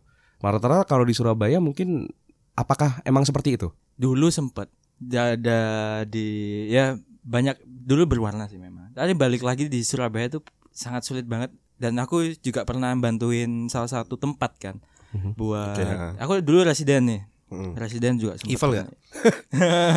residen. Memang memang aku juga nggak bisa nyalahin tempat gitu loh. akhirnya semua hari dipukul rata top 40 di maksudnya top 40 musik elektronik gitu loh Ah, ah, pada ah. umumnya dipukul Oke. rata semua mau nggak mau untuk cari duit di Surabaya itu permainannya mulai bukan musik lagi permainannya tuh lebih ke harga minuman atau apa pun itu. Oh. signature minuman katakanlah wah katakanlah ini vodka yang paling enak ini katakanlah ada di sini tempat A gitu Amer paling enak di tempat B kayak gitu akhirnya Eh, konsumen yang pilihannya bukan Oh. pilihan musik Jadi mereka datang ke mungkin katakanlah kasarannya clubbing gitu ya. Bukan untuk nyari bukan penikmat musik mereka. Iya. Rambut. ada Motivasi tetap untuk itu mungkin nggak sebegitu besarnya ya. musik kalau diomongin musik sama minuman Hmm. ya misalnya buat minuman F&B-nya itu mungkin musik lebih dikit maksudnya banyakkan si F&B-nya yang dicari gitu Oke. musik ya ada juga Ambience tapi kan juga kali ya. balik lagi orang yang concern sama musiknya itu sangat sedikit sekali Lebih sedikit daripada yang concern sama postingan Instastory. Benar. sekarang gini lah Sulit sekali. kalau kita nih ya ka- apa karena DJ adalah sudah mindsetnya itu kalau mabuk kan ya kita gak mau memungkiri loh mau ajojing gitu loh maksudnya mau dugem Have fun, have fun. ya udah yang kita cari itu mabuknya bukan musiknya lagi Oh. dan cewek-ceweknya otomatis Aha. itu sudah otomatis melekat di dunia perdijian Alright. Stereotype. Benar Seperti dan itu. tidak bisa dihilangkan sangat sulit Jadi ternyata musik-musik seragam ini nggak cuma di radio, cuy. Di semua Eh, eh, bener. nah akhirnya saya membuat label Antitrust. antitrust, Antitrust. dengan harapan label ini memang tidak signifikan untuk labelmu genre apa enggak Semua bisa masuk. labelku terbuka untuk teman-teman produser Surabaya yang punya karya dengan nuansa warna yang kita lihat bukan genre yang kita lihat Oke. dari segi sound kalau yang kita rilis selama ini sih lebih ke gelap maksudnya gelapnya tuh yang enggak wah gelap banget enggak sih maksudnya nuansa Segelap. instrumennya kayak istilahnya rock lah tapi enggak rock rock banget gitu loh Ah. masih Segelap episode 3 GOT kemarin nggak? Saya nggak dengerin sih. Itu gelap banget sih. ngelihat Tapi habis gelap terbitlah terang. Ya, Pulangnya subuh kan. Iya, pulangnya subuh. A- Abis imsak. Tapi ini masih yang jelas masih sangat-sangat terbuka ya. Antitrust ini untuk menerima teman-teman baru sangat terbuka sangat terbuka ya. sangat terbuka Nanti kita kasih infonya, kita kasih linknya. ya. Sangat gampang sekali. Nah, akhirnya saya mensiasati- mensiasatinya sama teman-teman, sama teman-teman circle saya, Hmm. melakukan terobosan-terobosan. Entah itu kita bikin event sendiri, di tiketing sendiri, Oke. kita cari sponsor sendiri. Dari tempat ya. Iya, dan tempatnya yang dan semua tempat itu gak untuk terbuka untuk teman-teman. Dia tuh sangat ada yang stretch, ada yang enggak. Kalau tahun sekarang tempat yang bisa dipakai teman-teman cuma satu doang. Oh gitu. Kayak gitu nih. Nah, dulu masih ada dua. Sekarang berkurang satu. Semakin dikit ya. Nah, makanya ini terobosan-terobosan teman-teman kayak gitu. Bahkan di Indonesia Mm-mm. sempat kan gombol nih ya gombol. tempat ketemu nih sama seluruh Indonesia nih teman-teman iya. gitu kan. Sempat ini ya cangkruk bareng. Ya memang yang terjadi memang hampir tiap kota seperti itu kecuali Bali, Jogja. Maksudnya Oke. tempat wisata ya. Jakarta saking banyaknya event orang bingung mau ke mana sih menurutku. Mhm. Karena kalau yang kita aku dengar pas sama teman-teman Jakarta saking banyaknya event ya tinggal bingung milih aja. Tinggal pilih Ada aja. yang temanku ini temanku temanku pada main semua akhirnya bingung gitu loh. Mau gitu. ke mana? Akhirnya nggak berangkat. ya ada yang kayak nggak gitu. Ada yang kayak gitu memang. Anti anti klimaks ya. Itu punchline sih. Akhirnya nggak berangkat. Si anjay. Ngegong sekali. Iya. ada yang seperti itu memang. Itu kayak ini ya mau nonton Netflix ya. Aduh, ada ini, ada ini, ada ini. Ah, nggak nonton. Dan itu temanku semua. Oke. ya lucu sih memang lucu. Itu lucu lucu lucu. Kalau berharap untuk cari duit ya pasti kita butuh duit di sini gitu kan. Mm-mm. Tapi untuk mau katakan gini, aku oke, aku udahlah aku tak main mainstream aja gitu misalnya. Aku ini Gatra oke lah main mainstream aja main top 40. Tapi orang-orang lihat apa bedanya aku sama si DJ A ini. Oke. Secara idealis eh, hati berteriak ya. Iya, kayak ya satu sisi si DJ A ini lebih ganteng katakanlah ya. Mm-mm. followersnya lebih banyak yang mainnya sama top 40 lah yo aku kalah tuh wis aku raiku wis Jawa kayak gitu kayak gitu kan maksudnya Lar lar lar lar. itu pasti saat, eh, kalau sebagai pelaku pasti dilihat Iya, itu otomatis sih gitu kan itu packaging, itu packaging. Heeh, pasti dilihat. Jual juga. ya mending saya milih yang ini dong Hmm. ya kan kayak gitu Nah, makanya kita mencari hal yang berbeda yang baru tapi juga apa ya berkualitas lah Kalau mengutip katanya Panji Pragiwaksono, sedikit lebih beda itu lebih bagus daripada sedikit lebih bagus. Paham nggak? mending beda gitu Mending beda daripada lebih ba- mending lebih beda daripada lebih bagus. Itu Oke. cukup ini sih maksudnya. Tapi masalahnya juga zaman sekarang kalau mau beda, struggle-nya juga nah the struggle is real, bro. mati-matian makanya Setengah saya mati. cari duit sekarang nih No. kayak gitu sih Saya sempat dapat satu poin. Kota menjadi penentu. Jadi Benar. kayak semisal tadi Dika nyebutin iya, iya. Kota wisata seperti Jogja dan Bali, scene-nya ini lebih ya dalam tanda petik lebih sehat ya untuk pelaku untuk seniman ya, untuk musisinya, untuk anak-anak teman-teman DJ-nya, semua genre pun punya kesempatan gitu. Iya, Berarti- ada pilihan. Ada pilihannya. Dalam artian juga saya pernah dengar seperti ini. Di kota-kota besar, di kota-kota sibuk ya, seperti Surabaya, Jakarta, yang memang cenderung kebanyakan orang-orangnya eh, para pekerja gitu. Para pekerja yang pada pada saat jam selesai dia bekerja, yang ada itu hanyalah rasa lelah, suntuk, jenuh pada akhirnya eh, motivasi untuk datang ke tempat seperti klub, eh, lounge segala macam itu untuk menghilangkan kepenatan ya. Hmm. Jadi kadang eh, musik yang dimainkan doesn't matter gitu. Bodoh amat gitu. Yang penting jedak jeduk, yang penting Aku ada mabuk. minumannya, mabuk. Eh, Cuci mata lah cewek-cewek gitu kan. cuci mata, siapa tahu juga nggak hanya cuci mata bisa nyangking gitu. Nah, nyangking. banyak banyak banyak Bungkus. banyak faktor. Minimal pulang teler gitu kan. Tapi memang benar. Jadi kayak gini, kita ngelihat sisi apa ya? geografis woy. Wadaw. Maksudnya gini, Surabaya. Oke, Surabaya ini kota yang sangat santai, relax tapi bisa cari duit. Benar. Orang-orangnya nggak terlalu yang strict, apa sih nggak kayak Jakarta yang sampai pusing. Hmm. Kalau di Surabaya masih bisa ah pulang kerja ya udahlah ngopi aja rokokan. Bisa kayak gitu. Benar. Beda, maksudnya tekanan pressure-nya di kota itu sangat beda. Oh, kayak gitu. Kalau di Jakarta, wah s- party lah, party lah kayak gitu. Mm, mm, mm. Maksudnya langsung pengen yang yang mabuk entah itu ketemu sama teman ngebir atau apa pun itu gitu. Kalau di Surabaya masih Mhm. ah ngopi di- nongkrong di warung aja deh sambil main game masih santai, masih santai. Beda. Kalau di Bali memang banyak bule. Mm-mm. Mereka sangat memang kota wisata ya haus hiburan gitu. Yes. Sama di Jogja, Jogja juga banyak bule meskipun Orang yang ke sana memang tujuannya ya berwisata, Berwisata. leisure gitu, Heeh. pleasure gitu kan. banyak hal yang kalau di Bandung mah di Bandung tuh hampir hampir kayak Jakarta sih kalau aku de- dengar Karena banyak orang ya. Jakarta juga. Heeh. Kalau di Bandung itu tempatnya udah adem, Pak. Oh iya benar. Kamu mau nyari apa maksudnya? Ya Nyari udah, hangat nyari, biasanya. nyari hangat. Enggak cuma dari minuman doang. Paham nggak sih maksudku? Betul. Di cewek pun bisa gitu loh. Nah. Kalau di cowok pun juga bisa kalau pemikirannya cewek. Kalau pemikiran cewek kan. Iya, Nggak munafik ya, nggak munafik Nggak pasti itu. munafik. Banyak hal yang kayak gitu. Surabaya ini masih santai. Sans. panas panas ya sih ngademnya ke mall kayak gitu lah Iya. pulang kerja doh apa ya ke mall aja lah ngadem terus sambil ngopi makan. Kayak masih santai sih Surabaya itu. Nah itu juga berpengaruh sama dunia hiburan yang ada di tempatnya klub-klub ini. Makanya sekarang kayak banyak kafe ya kan? Ya. banyak banget tiap kafe baru tempat makan resto baru. klub pun juga banyak baru tapi ya sama aja. Oke. Udah salah loh menurut saya kalau emang tujuannya mau ngadem, ngopi di kafe, eh, dengerin yang bukan dengerin musik kan akhirnya. Kalau di klub ya ngadem juga lah mungkin ya. Ngademin pikiran gitu. Dengerin ngadem juga bisa sebenarnya. Cuma sebenarnya mungkin lebih efisien itu kan mahal ya sebenarnya kalau dihitung-hitung ngomongin kos ya. Itu kan sebetulnya mahal. Ya. Makanya orang Surabaya itu lebih suka cangkruk di warung loh. Jujur, memang suka di warkop daripada di tempat fancy. Oke. Itu sudah sudah orang Surabaya itu sudah seperti itu. Umumnya loh, aku nggak ngomong kak. Nggak Kalau apa Instagram selebgram selebgram Surabaya pasti Ya, harus fancy ke kan. tempat yang Eh, fancy gitu. Tapi kalau pada umumnya kebanyakan pasti banyak yang nongkrong di warung. Coba kamu lihat di mana aja warung pasti rame bro. Pasti ramai. Iya gak sih bro? Betul. Yo, gitu. At- atau ada opsi lebih murah lagi sebenarnya kalau mau ngadem ya. Kalau mau ngadem ya cari tempat jual es batu aja sih. Yang balokan gitu ya. Beli gitu beli dong. berapa lah gitu. Kayak gitu Gak sih. usah mahal-mahal, Indomaret aja dingin kok. Hmm, Indomaret dingin ya? Depan kulkas. Tapi juga ada case baru bro. Apa nih?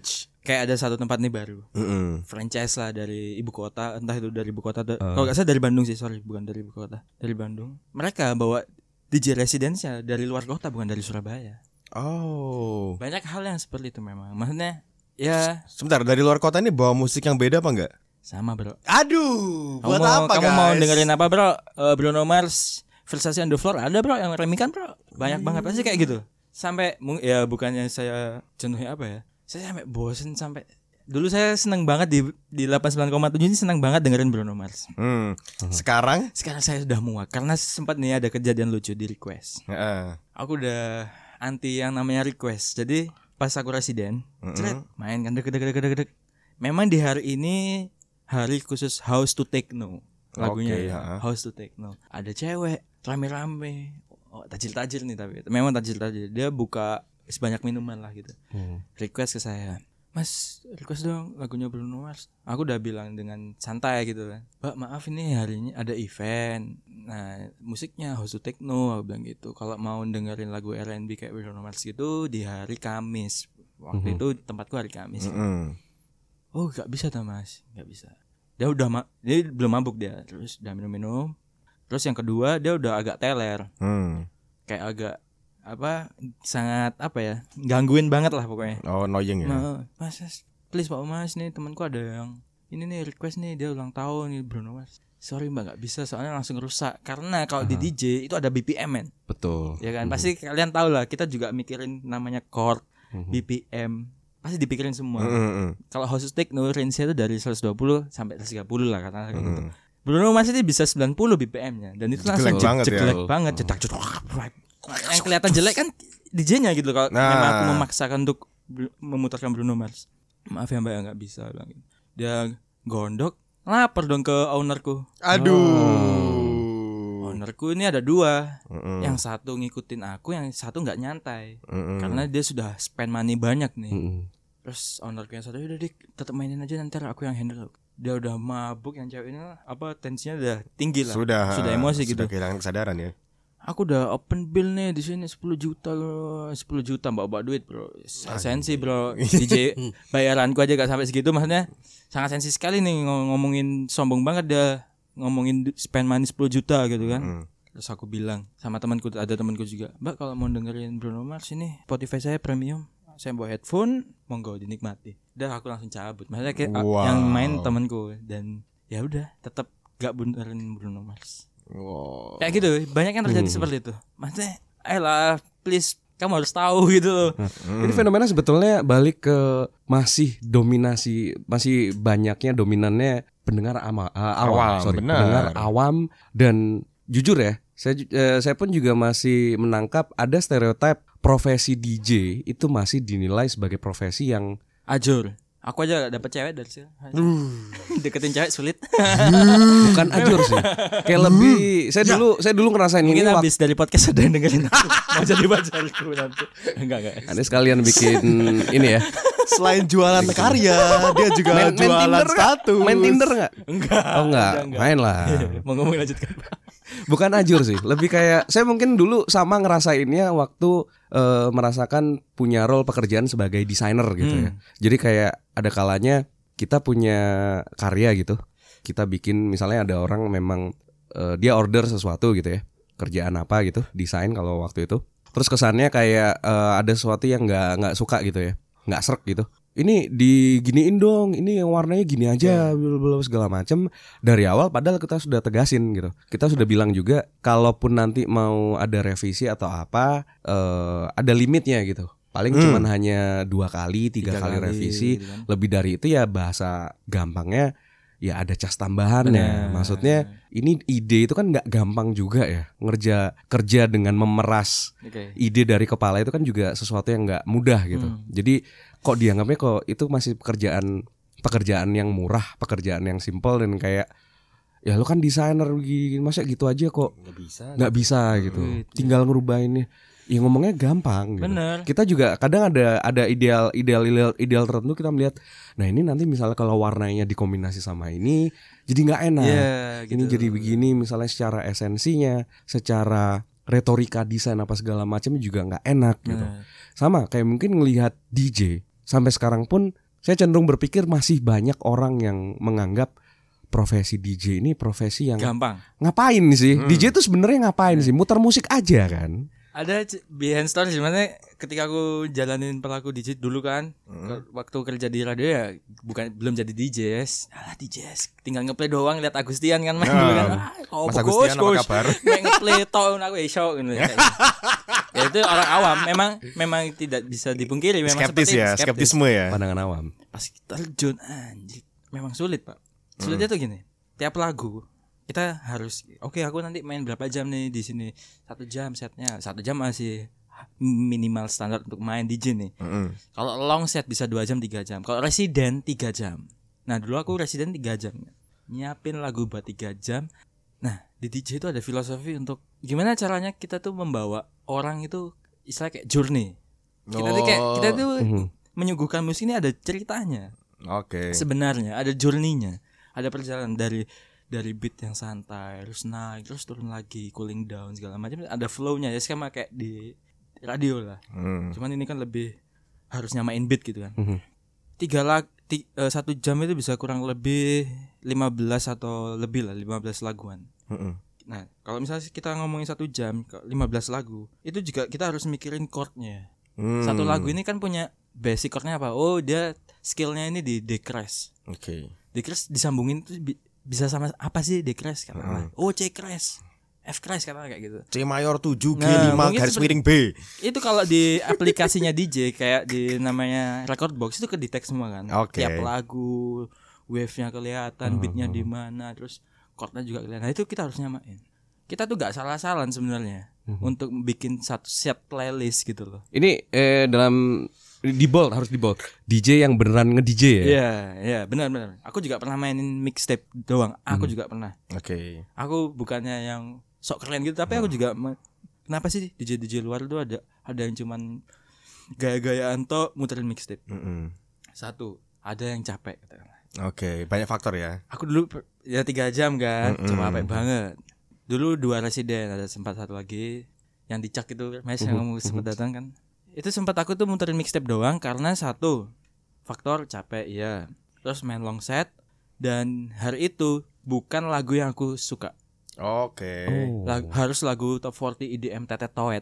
Maksudnya tetet Tong, yang tong, tong, tong, tong, tong, tong, tong. kayak gitu lah.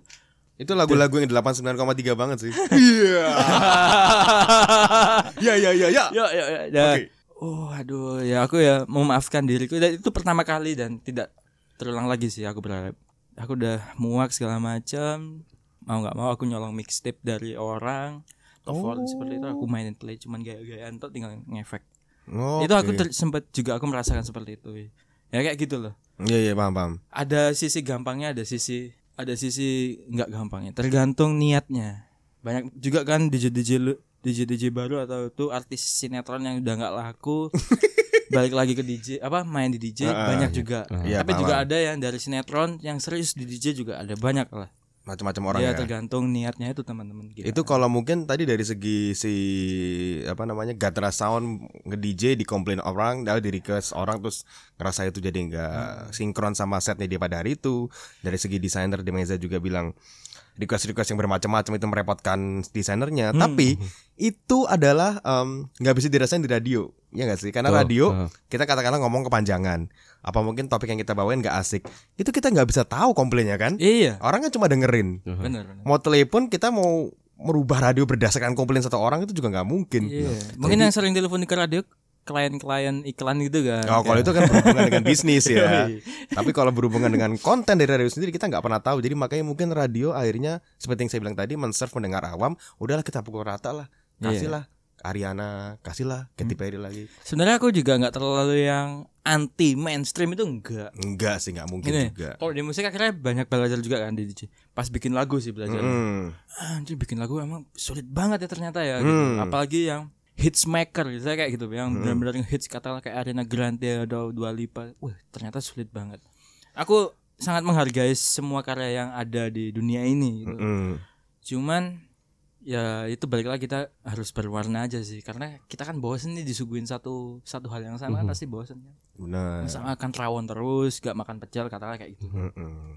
Makanya saya juga tadi kalau katanya si Dika dia sebagai pendengar musik elektronik sebagai DJ dia nggak akan maksa saya untuk mendengarkan musik Iya. eh, DJ. Karena Ta- sudah ada pos- porsinya sendiri-sendiri. Mm-mm. Tapi kalau saya pengen dengerin pun itu untuk menambah warna hidup. Seperti Yoi, saya sama, betul. seorang pendengar musik metal, saya akan mengajak me- eh, mengajak Dika untuk dengerin Blackpink. Nah. Wah, Blackpink itu bagus. Ya. Aku juga dengerin lagu-lagu galau kok. Lagu-lagu semua makanya kita pilihan kan. Pilihan. Nah itu. Kalau di tempat DJ nggak ada Nggak pilihan. mungkin saya sepanjang hidup saya mendengarkan Seringai terus, Dead Squad terus. Sekali-sekali saya harus melihat Jenny, Lisa, ya kan. Rose, Jisoo, I love you, Mwah. sarangi. Dan Gitu. kalau ngomongin genre juga sebetulnya apa yang kita konsumsi ujung-ujungnya kembali taste, selera dan Selera benar. Tiap orang pasti akan sangat-sangat subjektif berbeda gitu kan. Kita mau saya pun dengerin segala macam jenis musik ya, bisa aja masuk gitu. Cuman yang pada akhirnya hook, pada akhirnya kayak Ada kayak saya kayak saya punya perasaan aku mau dengerin ini lagi. Hmm. Misal mau diulang gitu ya. Kita penasaran kayak craving ini lagi gitu. Itu ya nggak nggak nggak bisa semua lagu atau musik ya bisa punya sifat seperti itu Mm-mm. akan ada beberapa lagu-lagu yang dengan warna-warna tertentu ya. Wah si ini rilis album nih misalnya, dengerin album barunya. Oh sekarang kok gini ya? Ada perbedaan gitu. Iya, Benar. Belum tentu juga di artis yang sama kita juga bisa tetap stay bahasa ini apa ya? Jadi loyal fans ya. Mm-mm. Karena ya kalau memang motivasi yang kita bawa adalah mendengarkan bentuk output musiknya seperti apa, ya itu dia ya kan jadi parameter juga gitu. Kadang di artis yang sama pun kita belum tentu akan stay untuk dengerin dia terus. Karena dia juga evolusi kan. Betul, Aku dulu evolusi. tuh sempat kayak ngilokno dulu sama artis satu ini dulu. BMTH kan. Nah, Dia dulu kayak Chelsea Smart wah keren banget nih gitu. Mhm. Makin ke sini wah ih. Makin nyanyi. Heeh. Tapi ketika aku pas bikin musik bikin yang techno terus gelap terus kok bosen ya. Iya, nah benar. itulah yang terjadi memang. Dari sisi senimannya memang biasanya emang bukan hal yang baru sih. Kayak kita jatuh cinta terhadap satu artis karena album yang kita dengarkan saat itu ya. Mungkin warnanya emang sangat kuping kita sekali. Kita benar-benar ketagihan akhirnya menjadi oke, kita declare nih suka nih sama artis ini. Saat dia rilis apa segala macam eh ternyata berbeda gitu. Mm-mm. Eh, mereka berevolusi. Seperti kayak misalnya saya juga sebenarnya saya sedih kalau ngomongin artis ini karena ditinggal vokalisnya eh, Suicide gitu, Heeh. meninggal gitu. Tapi eh, Linkin Park adalah salah satu artis atau salah satu band atau musisi juga yang punya jasa luar biasa buat saya. Jadi mereka yang menjembatani atau misal eh, atau bisa dibilang artis pertama atau musisi pertama dalam bentuk full band gitu Heeh. yang membuat saya jadi menyukai musik-musik eh, yang bisa dibilang ya ke arah keras gitu kan. Mereka waktu itu album pertama Hybrid Theory ngusungnya nu metal gitu kan. Hmm. Nu metal yang saat itu yang luar biasa gede ada mereka Lin- Linkin Park dan Limp Bizkit gitu. Waktu itu. Waktu itu. Lalu pun mereka ber- terus berevolusi gitu kan. Hmm. Berevolusi sampai yang paling akhir pun ya kalau masih kalau bisa dibilang musiknya lebih ke arah pop gitu, lebih ke arah chart dan tidak terelakkan juga terimbas dengan sound-sound yang ada di industri musik saat ini yang lebih ke arah IDM kan. Jedak jeduk dengan beat dan sampling yang lebih eh, terus berulang-ulang gitu Dengan drum yang juga semakin digital ya. dan dengan drum yang mas- makin digital Johan Johan Johan atau DJ-an Iya. juga musiknya juga semakin sampling gitu jarang jarang ada variasi-variasi kayak enggak album awal Iya, udah jarang Nah. scratch kan. jarang scratch kayak dulu gitu Bener-bener. yang saya juga nggak bisa memungkiri kalau kalaupun bahkan di sejak album Minutes to Midnight setelah album itu apa ya Wasteland ya kalau nggak salah Waduh. apalah itu itu pun saya- itu, itu it- ini ini pun jadi salah satu tanda kalau saya juga nggak eh, sudah nggak begitu hafal lagi gitu Hmm. di saat saat itu saya bingung kok jadi gini gitu Hmm. saya udah nggak bisa bilang saya fansnya Linkin Park Oke. saya bisa bilang mungkin saya fansnya Linkin Park dari album Hybrid Theory, Meteora sampai ini sampai ini. Tapi di album ini saya udah nggak doyan mereka. Iya. gitu. Sudah enggak dikit. Karena emang musiknya bukan kuping saya lagi. Iya, iya. Yo. Bisa dibilang seperti itu. Iya sih. Memang pasti setiap seniman merasakan kejenuhan sih menurutku sih. kejenuhan dalam bikin ya. Iya, karena dia nge-create suatu hal yang hal yang sama dengan signature yang sama mungkin aduh, karena seni itu kan juga bebas tuh. Maksudnya Hmm. mau mau berkarya apa pun bebas. Cuman juga didasari oleh mood. Yo X. Ya misalnya Linkin Park atau aku atau siapa pun di luar sana bikin misal lagunya rock rock net. Tapi kadang-kadang pas bikin lagu loh kok lagi melo ya kan bisa jadi loh. Bikin, nah, akhirnya jadi beda Ya lagi. kayak gitu sih menurut yang aku lihat sih. Dari BMT yang dulu.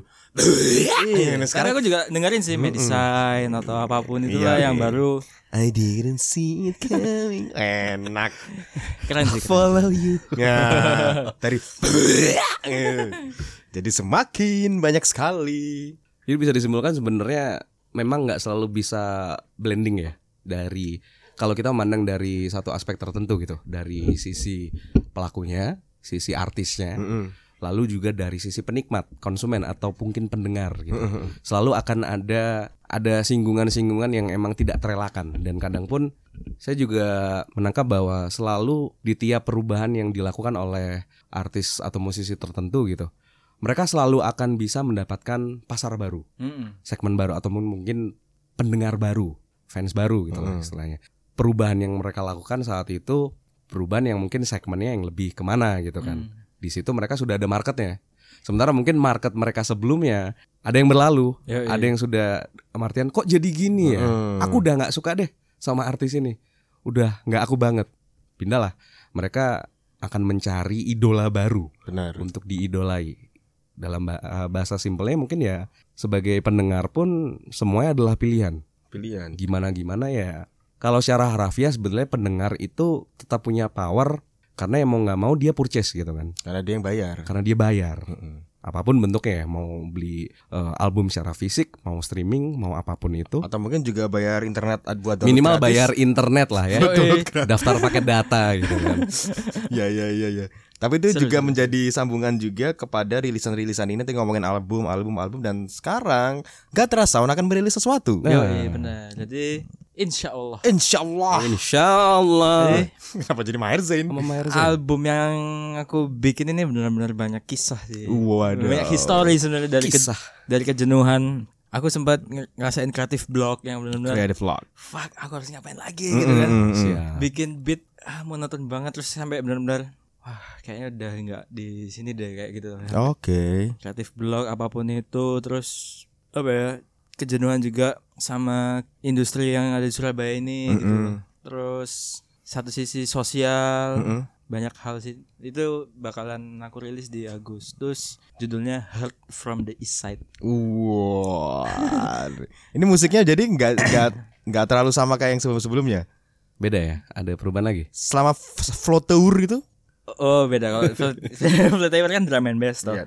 kalau yang Heard from the East Side ini benar-benar suara gatra yang yang aku cari selama ini sih Sama human voice. beda Jadi jadi oh iya. Wow. Jadi kan ketika berkarya ya, Mm-mm. sempat aku tuh ngerasain gini. Oke, aku mau ngus- ngusung genre techno. Mm-mm. Oke, techno ini budayanya Eropa gitu. Sebagus apa pun, se se epic apa pun garapanku, tetap kalah sama yang memang budaya di situ gitu. Oke, gitu ya. Menurutku ya. Mm-mm. Dan aku nggak bisa nggak bisa melebihi dia karena dia langsung merasakan langsung lingkungannya ya memang lingkungan techno. Kulturnya di- emang ya, gitu, gitu. Pendengarnya juga memang sudah di situ. Benar banget. Nah, Sedangkan aku di Heard from the East Side ini pas ngarep-ngarep album, aku harus nyari signature yang tadi kita sempat obrol gitu kan. Setiap apa harus ada signaturenya gitu setiap artis atau apa pun. Nah, itu sudah aku dapat dan lingkunganku ini seperti apa sih sebenarnya di Indonesia. Terus eh pernah di Asia mengerucut lagi di Indonesia, Indonesia. terus ke Surabaya. Oke, aku Terus mengerucut lagi ke Gayungan. Nah, Injoko gitu. banyak banyak banyak hal heard from Side ini juga banyak hal terus dari family juga Oke. duit apa pun itulah banyak hal dan kalau dari segi warna moodnya ada yang kalem ada yang kenceng ada yang macam-macam sih tapi kalau genre fuck genre Waduh. Ada berapa lagu sih kalau mungkin? delapan Oh iya, 8 lagu. niat ya. makanya sampai stres saya tapi ini eh, ya ini suatu harapan buat aku untuk next level di industri ini gitu loh untuk lanjut atau enggaknya gitu Pen- menurutku penentuannya bakalan di album ini Dirilis digital aja. gitu. kalau Christo Foundation mengasih Christo mungkin dia Foundation. mendengar ya Kristo. Dimention lagi Christo Foundation. Ya pengennya lah banyak pengennya ada fisik pengennya ada merchandise apa pun pengennya banyak tapi yang aku tetap concern di musiknya Oke, luar tetap biasa. aku sih ya itu. gimana caranya musiknya harus benar-benar signatureku suaranya soundnya juga bagus untuk di like untuk didengar untuk fisik digital menentukan Itu ntar aja lah ya. Agustus ya. Agustus Itu dikerjain dari kapan? Hmm? Dikerjain dari kapan? Dua tahun lalu? Dua tahun? enggak, enggak dari Januari sih ah- Oh, ah, 2019 sudah nabung dikit-dikit Oh gitu. tapi tetap ada banyak revisi juga Ih. Tapi ada pressure nggak? Kayak misalnya harus rilis banget Agustus atau apa gitu. iya karena eh, deadline ya pasti pengen sih di Agustus momennya pas saya sama ulang tahunku Wah, Ulang tahun. Pikir ini pas 17 ada tanggal spesifik. 18 insya Allah 18. Wow, luar biasa. Ya udah kita ya. nantikan ya. 18 Agustus ya. Sekali lagi Gatra album full album ya. Album pertama debut album Debut album. Judulnya apa? Heard from the East Side Heart from the inside. Heard from the inside. Heart The- from Take East- East everything east from the east inside. East side. East- Heart oh, from East the side. Timur, ya. East Side Oh, timur. Heard from the east Rungkut ya? side. Yo, Oh, karena dia dari UPN cuy. Dari UPN. UPN kan rungkut ya. Rumahku Timur. selatan Nah iya rumahnya selatan tapi, tapi dia kita Jawa Ti Nih, saya pikir Jangan Surabaya lupa. Timur. Sidoarjo Timur apa ya? nice nice Jadi kita tunggu saja rilisan dari Gatra Sound Yo, yang bakal merilis album perdana. Ini sebenarnya album kedua ya kalau ngomongin sama EP yang dulu ya. kalau EP ya itu banyak perubahan ya kan Iya, itu jauh banget sih. Itu tahun dulu berapa ya EP duren dulu? kan namanya Oh iya bener. Inilah proses pencarian jati Iya, diri. aku juga uh, dan menurutku pencarian jati diriku ini sangat lama banget menurutku ya Ya. dari 2000 2016 main IDM-an lah istilahnya untuk di dunia ini 2016 dulu nyanyi-nyanyi sama Sabrina sama Kima segala macam dengan nama Duren kan di VRRN yang Duren. itu The Friend adalah teman Chiverges dan juga Republik ya. Yoi, Yoi. itu journey-nya itu, Oh, ya. yes, itu itu serunya journey. aku Journey ya. Journey pakai V Journey. juga, pakai V juga. Oke, next level sih pengennya benar-benar album. Banyak yang juga bilang single aja tapi Iya bener. pengen sih album. Karena zaman sekarang ini juga unik sih. Kenapa kok si Gatra ini bikin uh, full album? Karena zaman sekarang itu lagi ngehits bikin EP. Betul. Hah. Karena apa ya trennya zaman sekarang itu kalau saya lihat pribadi karena band saya juga abis gini mau rilis EP, ditunggu ya Juli kalau saya. Yoi. duluan, duluan. tapi gini, memang apa ya? Ya entah itu EP, album. itu cuma medium aja Yo, sih. yang penting kan konsepnya. Konsep kita mau jual apa, tapi ya itu tadi sih unik juga soalnya karena rilis album itu effort banget kan. Iya. Bikin lagunya banyak, produksinya juga mungkin lebih mahal karena banyak lagu yang dibikin dan mungkin karena seperti yang saya bilang tadi banyak pendengar awam di era sekarang ini mungkin 8 lagu itu tidak akan didengarkan semua. Benar. Tapi karena Gatra Sound ini mungkin dia juga sudah menemu- menemukan apa ya aktualisasi diri Iya, bro. segala macam. Jadi Benar kayak, ini benar-benar this is Gatra. This is This is Gatra. This is America. Banyak banyak banyak ya Charles keren. Gambino. Siap, siap. Heard from the Set ini seluruh imajinasi, kesedihan, kesenangan, kesengsaraan apa pun itulah. Tanggal tua, Yoi. Amer, Cewek. cewek ya kan, Aduh, stres, kemacetan, bundaran dolok Yoi, ya kan. Aduh, Aduh. man. Tapi nanti aku bakal rilis satu video sih. Oke. Oh, ada video juga. Bukan video, bukan video apa ya? Musik video bukan, cuman ada historinya video. Wah, Wow, behind the scene. Bismillah lancar lah. prewedding kalah ya. Wih. Video prewedding. Kalah sama Diko Asri prewedding. Waduh. tidak, kamu tidak bikin video, tidak punya uang. Dika eh, Gatra ya, Gatra rilis album debut album Bener. Lik. eh, bulan Agustus. Diko TFT ya? Iya, iya. TFT Juli ya. TFT Juli. Saya Juni, saya duluin juga deh. Saya rilis gaming channel. Yeah, harus berkarya Kita memang. semua ngiklan. Mumpung masih bisa gitu ya. Iya, Mumpung iya. kalau bahasanya mungkin di umur-umur segini. Emang umur berapa kita ya? Ya, tapi benar men. Maksudnya mantan Natsua ini pernah bilang nih. Wih, Mata Najwa. Mbak Mata Najwa. Yang bilang matanya ya. Gimana? Iya. Si Sihab itu namanya, Iya, Najwa Shihab. Coba Sihab. Panutan sih. Eh, dia tuh sempat bikin tulisan gitu di Twitter di mana lupa aku. Eh, di zaman sekarang ya kita nggak mungkin ya banyak banyak apa ya banyak pressure juga dari orang tua kan otomatis Heeh. Dika kamu menjadi apa? DJ segala macam. Banyak hal kan pasti kan kayak gitu. Tapi si Natsua Shihab ini benar-benar dorong semangat lagi sih menurut pas sempat baca itu dia tuh bilang eh ya sekarang bukan zamannya untuk kita harus mengikuti apa ya budaya entah itu harus ngantor lah harus PNS lah. Maksudnya Betul.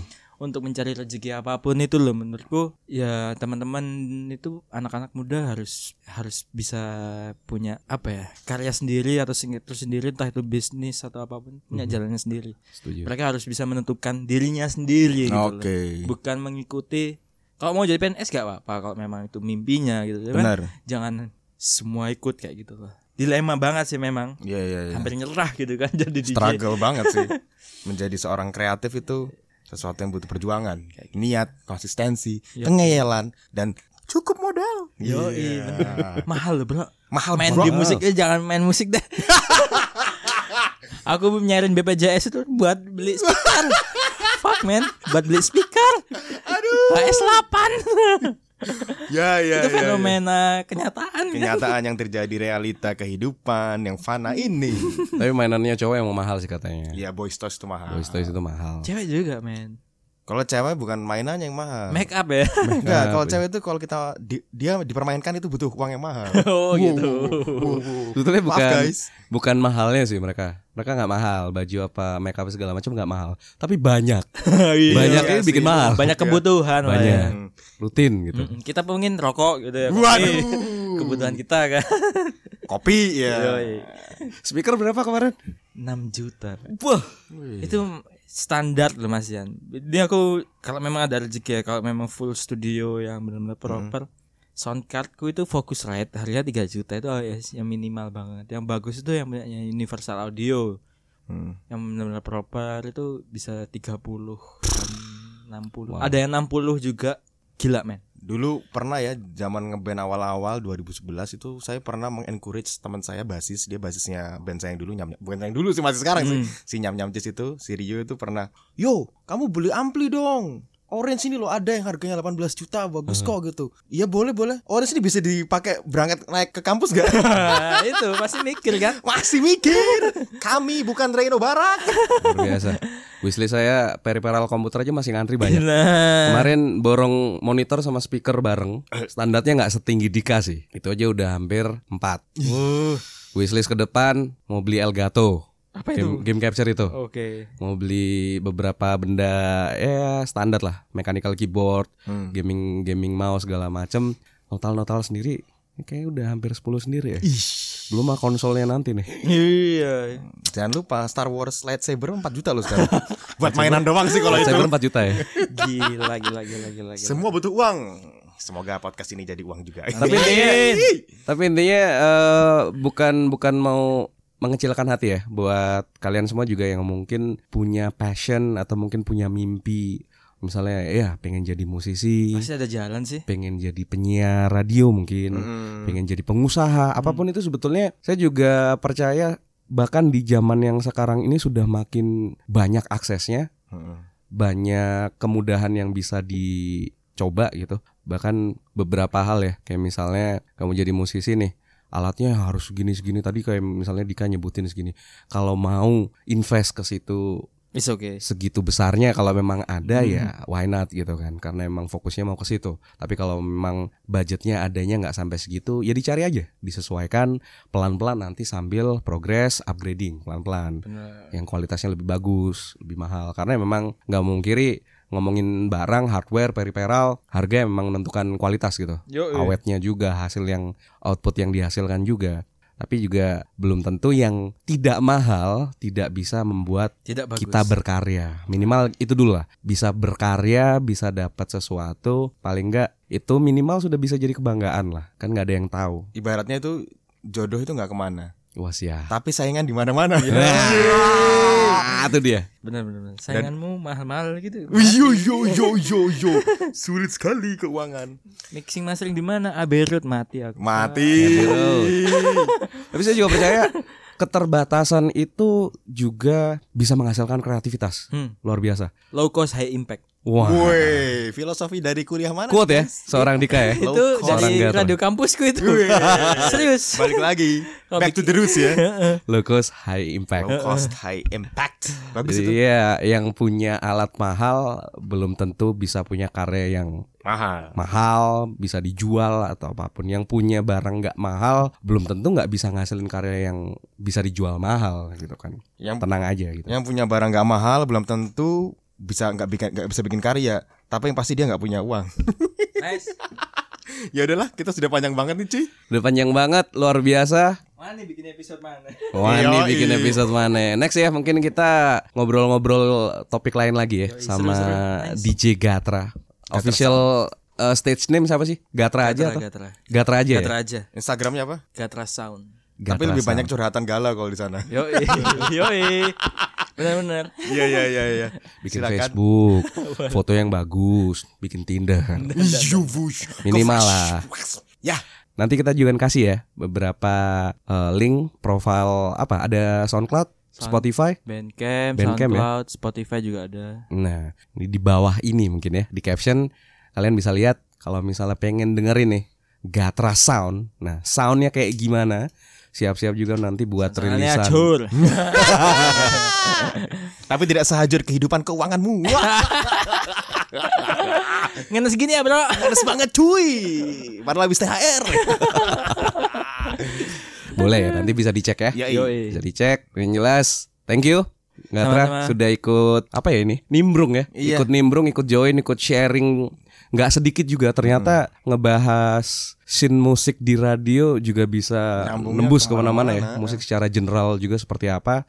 Dan mungkin nanti next time kita juga bisa bahas ini lebih jauh lagi kayak gimana. Tapi yang jelas untuk Radio Blog episode kedua sampai di sini dulu. Kita ketemu next time di episode berikutnya. Saya Meza. Saya Diko. Gatra. Kita, Kita pamit. dulu. Valar Morgulis. Leonardo Harris. Sudah tamat, Mas. Sudah. Nice.